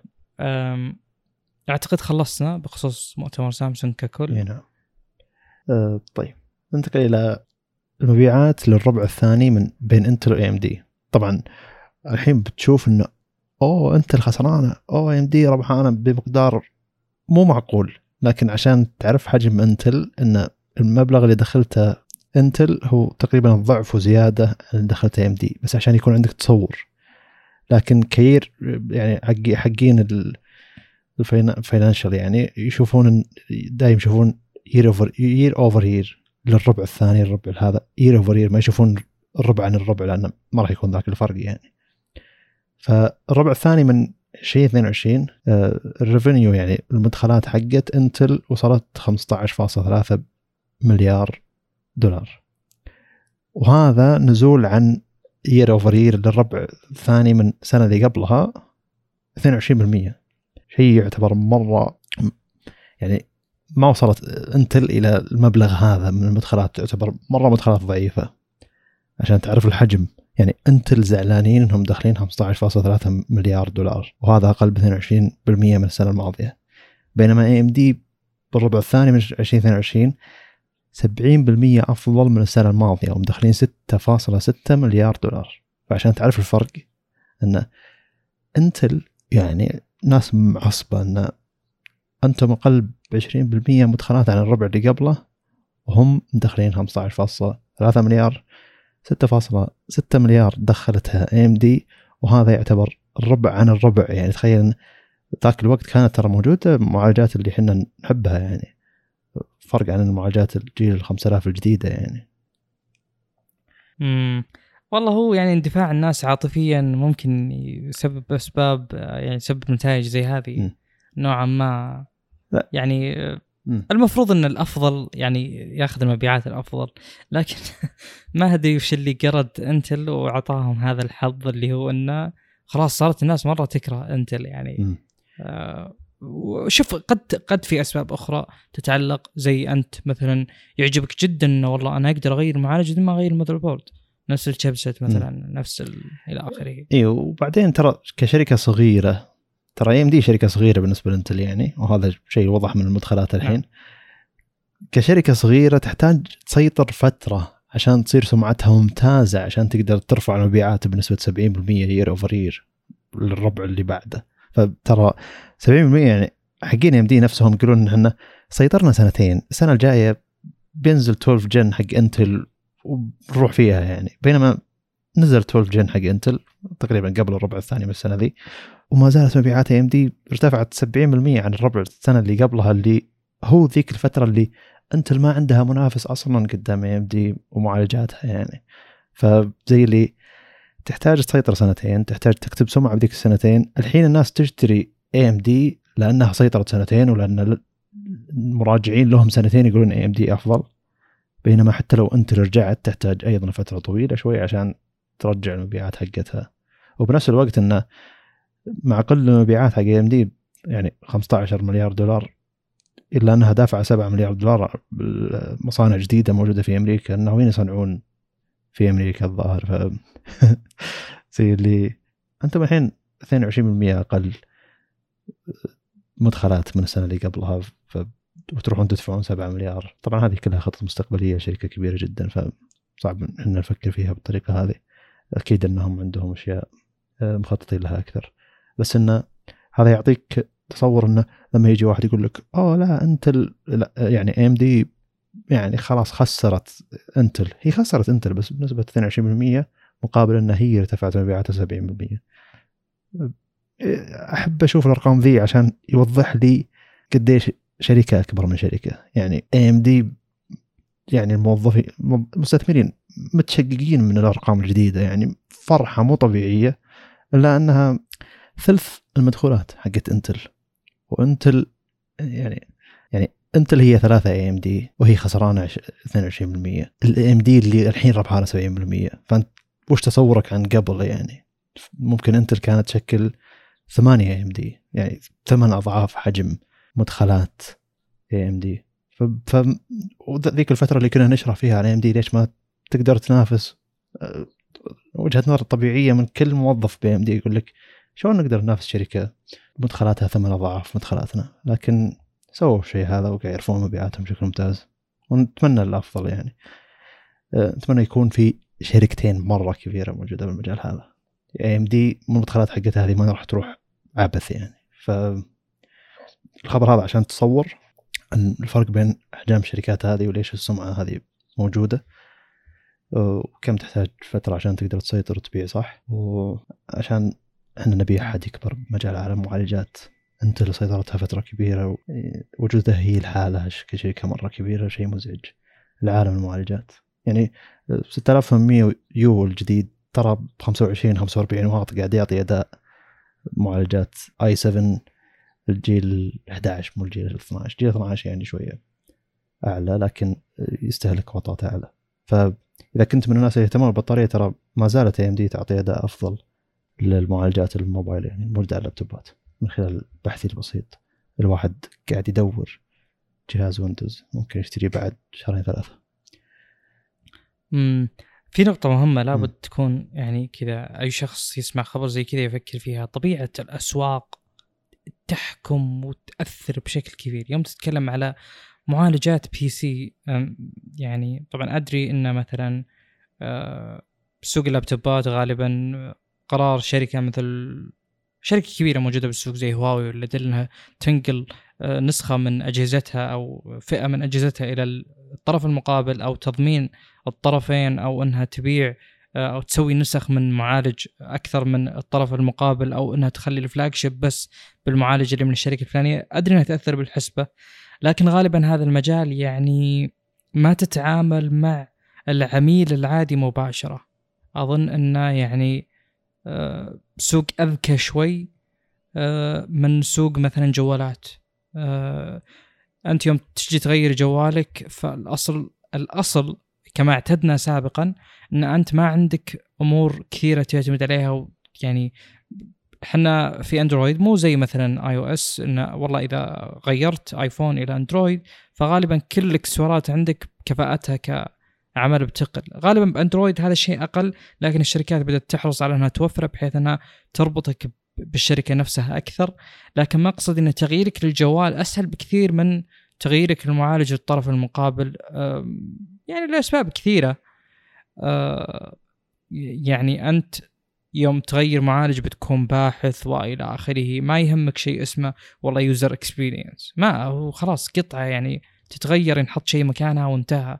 ما فيها ذاك التعقيد وال يعني إنها بتأثر على تجربتك بشكل قوي جدا إلا في حالات جدا معينة ممكن تحتاج تحمل software معين وهو يشتغل على معالج أفضل معالج ثاني أو إلى آخره من الأمور يعني. بس إنه ما هو ذا ذا تأثير مباشر تلمسه بيدك مثل مثلا جوال معين. فالمبيعات وكذا الأشياء هذه بالمجالات هذه تأثيرها كبير. بالإضافة إلى مثلا قدرة الشركات هذه على توفير المعالجات الجديدة مثلا بيزيد مبيعاتها أكثر. لو كانت المعالجات الأصدار الجديد محدودة أكيد المبيعات بتقل بشكل كبير. ففي في عوامل تختلف عن الأسواق اللي إحنا معتادينها. يوم يجي شخص أيضا يغير سيارة فلو انتقل من شركة إلى شركة أخرى وش اللي بيفرق معه؟ السيارة يعني غالبا السيارات الحين صيانتها مرة واحدة سنويا كثير سيارات مرة واحدة سنويا. فحتى التعامل مثلا مع ال dealership الوكيل ما. ما. ما هو ذا تأثير قوي تتعامل معه يوميا ما راح يكون مؤثر كبير مثلا باقتنائك السيارة قد يكون طبعا أنا أتكلم بالمجمل يعني تغيير المعالج ما هو زي تغيير جوال ولا تغيير القطع اللي نتعامل معها مثلا يوميا أو بشكل متكرر جميل. فالسوق يعني معطيات آه طيب. مختلفة هذا مقصدي سم حلو آه كل ما زاد التصور أنا ودي يصير في تصور بعد الفرق بين انفيديا و AMD والاشياء هذه. آه طيب. نروح الريلمي جي تي اكسبلورر ماستر ريلمي من الشركات الغريبة في استهلاك الطاقة. تعطيهم أي معالج من أكثر معالجات حرارة إلا أنهم يضبطون المعالج حقهم والنظام حقهم لدرجة أنه يكون أفضل الأجهزة استهلاك للطاقة مقابل أنه موجود عنده جهاز معالج يستهلك طاقة. ما أدري وش يسوون بالضبط لكن أغلب المستخدمين اللي يشترون ريلمي الأجهزة العالية GT 2 GT 2 Pro حتى GT حق السنة الماضية مثلا في الغالب يعانون من وصول آه، الإشعارات. ما أدري إذا كانت المشكلة دي قابلة للحل ولا غير قابلة للحل. شاومي مثلا قابلة للحل بطريقة معينة لكن بريلمي ما أدري عنها. لكن ريلمي GT 2 ال Pro هو أفضل جهاز بطارية مع المعالج ال 8 Gen 1 العادي مو ال Plus ريلمي GT 2 Explorer Master الحين مع المعالج الأكثر توفير للطاقة من اللي قبله اللي هو ال 8 Gen 1 Plus الأرقام البطارية حقتها ب GSM جايب أحسن من الآيفون 13 Pro Max اللي هو من أفضل أجهزة ال flagship من ناحية استهلاك الطاقة للبطارية. والجهاز جهاز محترم يعني جدا جدا محترم. Explorer Master حق السنة الماضية كان الأصل منه التصميم وفلسفة التصميم وجمالية التصميم فما حاطين فيه المواصفات اللي كانت اللي موجودة الحين بال Explorer Master حقهم الجديد اللي هو ال two. ف المعالج الجديد قلنا قلنا عنه شاشة 6.7 مشكله الشاشة 1080 فالناس يقولون روح GT 2 العادي عشان ما هي 1080 لكن تبي توفير طاقة أفضل وجهاز يغلب حتى الآيفون بالبطاريه ما أتوقع في جهاز أندرويد flagship إلا هذا الجهاز يغلب اندرويد يغلب آيفون 13 Pro Max بالبطارية. الكاميرات نفسها الموديل GT GT 2 ال GT 2 Pro 8 جيجا RAM 5000 ملي إمبير البطارية آه، يجي معه شاحن 100 واط. أظن يشحن خلال 26 دقيقة شيء زي كذا. هو ما كاتبين بالضبط لكن جهاز مرة محترم بصمة على الشاشة. شيء غريب قاعد تسوي ريلمي وأنا متحسف إن ذي الشركة ما جتنا يعني جتنا شاومي بدل ريلمي وريلمي اللي قاعد تجينا قاعد تجيب أجهزة مرة غريبة يعني وكيل ريلمي اللي هنا قاعد يجيب أجهزة غريبة ما تستاهل حتى إنها توصلنا أصلا. بينما لو جايب ال GT 2 العادي ال GT 2 Pro هذه الأجهزة تصفط أجهزة شاومي 12 12 Pro من, ناحية البطارية مع إنها بنفس المعالجات من ناحية التصميم وحتى الكاميرات حقتها أفضل. ف توجه ريلمي للسوق الاوروبيه ممتاز يعتبر والتسويق حتى للمصورين ال YouTuber مصورين والأشياء هذه جيد جدا. وفي أي مقارنة للبطارية إذا شفت ريلمي GT 2 Pro موجود بالقائمة صدقني آيفون ريلمي GT 2 Pro. والحين إذا موجود بالقائمة Explorer Master صدقني بيكون أحسن من الآيفون 13 برو من خلال متابعتي للبطارية بشكل كبير. يعني من أكثر الأشياء اللي أتابعها في تقييم الأجهزة الذكية أو الجوالات الذكية هو البطارية. ف أستغرب مرة من أرقام ريلمي بالبطارية. عاد أخوي يعني يعني كان مستخدم لسامسونج درجة أولى. م. ما يعني ما استخدم أجهزة كثيرة من سامسونج أذكر Note 3 مثلا S 8 Plus آه المهم إن يوم جاي يطلع من سامسونج كذا كان معي الظاهر K 20 Pro وقتها.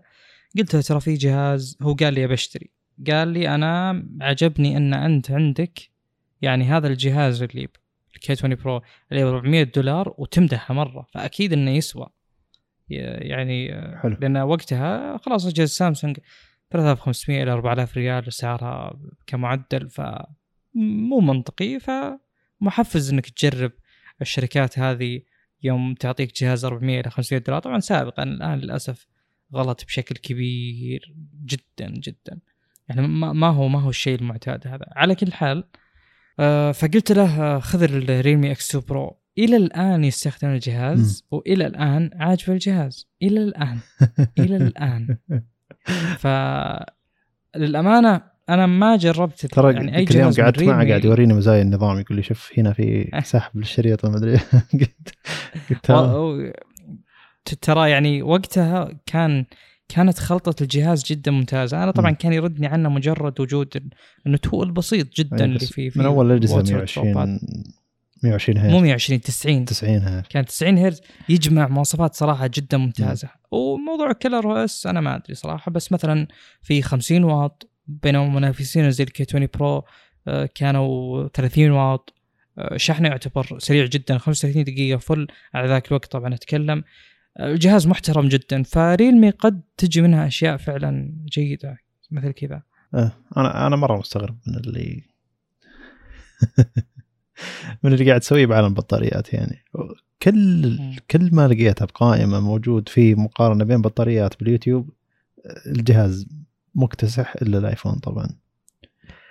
ف كان كان ودي أجرب لكن تعرف يعني شراء شاومي جاء بشكل سريع على طول. ف جميل. شكرا لكم استماع. أه ولا تنسون تقييم في ابل بودكاست مع احترام شديد. بس يعني روحوا قيمون Apple Podcast المشكلة تقييم Apple Podcast يعتمد في في انتقال انتشار البودكاست بكل مكان. المشكلة آخر تقييم كم يعني؟ آخر تقييم 2021 15 ديسمبر. ف مرة مره قديم آخر تقييم وصل وصل لنا بالبودكاست. فنتمنى منكم أنكم تدخلون. Apple Podcast بودكاست اي اي وتعطونا تقييم. آه، تقييم بودكاست يعني جيد ما شاء الله. 4.6 من 5 من 16 مستخدم لكن نحتاج تقييم من مستخدمين أكثر. آه، شكرا للناس اللي قيموا تقييم إيجابي ونحتاج تفاعل أكثر. يعني الحلقة الماضية صحيح إنها نزلت بوقت ما حد كان متوقع أن ننزل بودكاست كنا يعني قاطعين فترة فما حد متوقع شيء دوري أصلا لكن إن شاء الله نكون بشكل دوري. فالبودكاست الماضي ما في أي ردود فعل. أتمنى إن البودكاست هذا فيه ردود فعل. أعطونا وجهات نظركم. خلونا نسولف أكثر. آه، أحب أسمع دايم وجهات نظر عن أشياء قلناها بالبودكاست بعد ساعتين. يعني أحس أحس إن في شخص قاعد معنا إلى ذيك الساعتين. آه، معدلات السماع عموما أكثر بكثير من السابق يعني خاصة قبل ست شهور. سماع أقل بكثير من الحين. فالحين نزل حلقة. آه، تاخذ حقها بشكل كبير. ما أدري عشان قاعد نفرق بين الحلقات بشكل طويل ولا في أحد قاعد ينشر لنا أو آه، المحتوى حقنا قاعد يصعد. شكرا لكم استماع. السلام عليكم.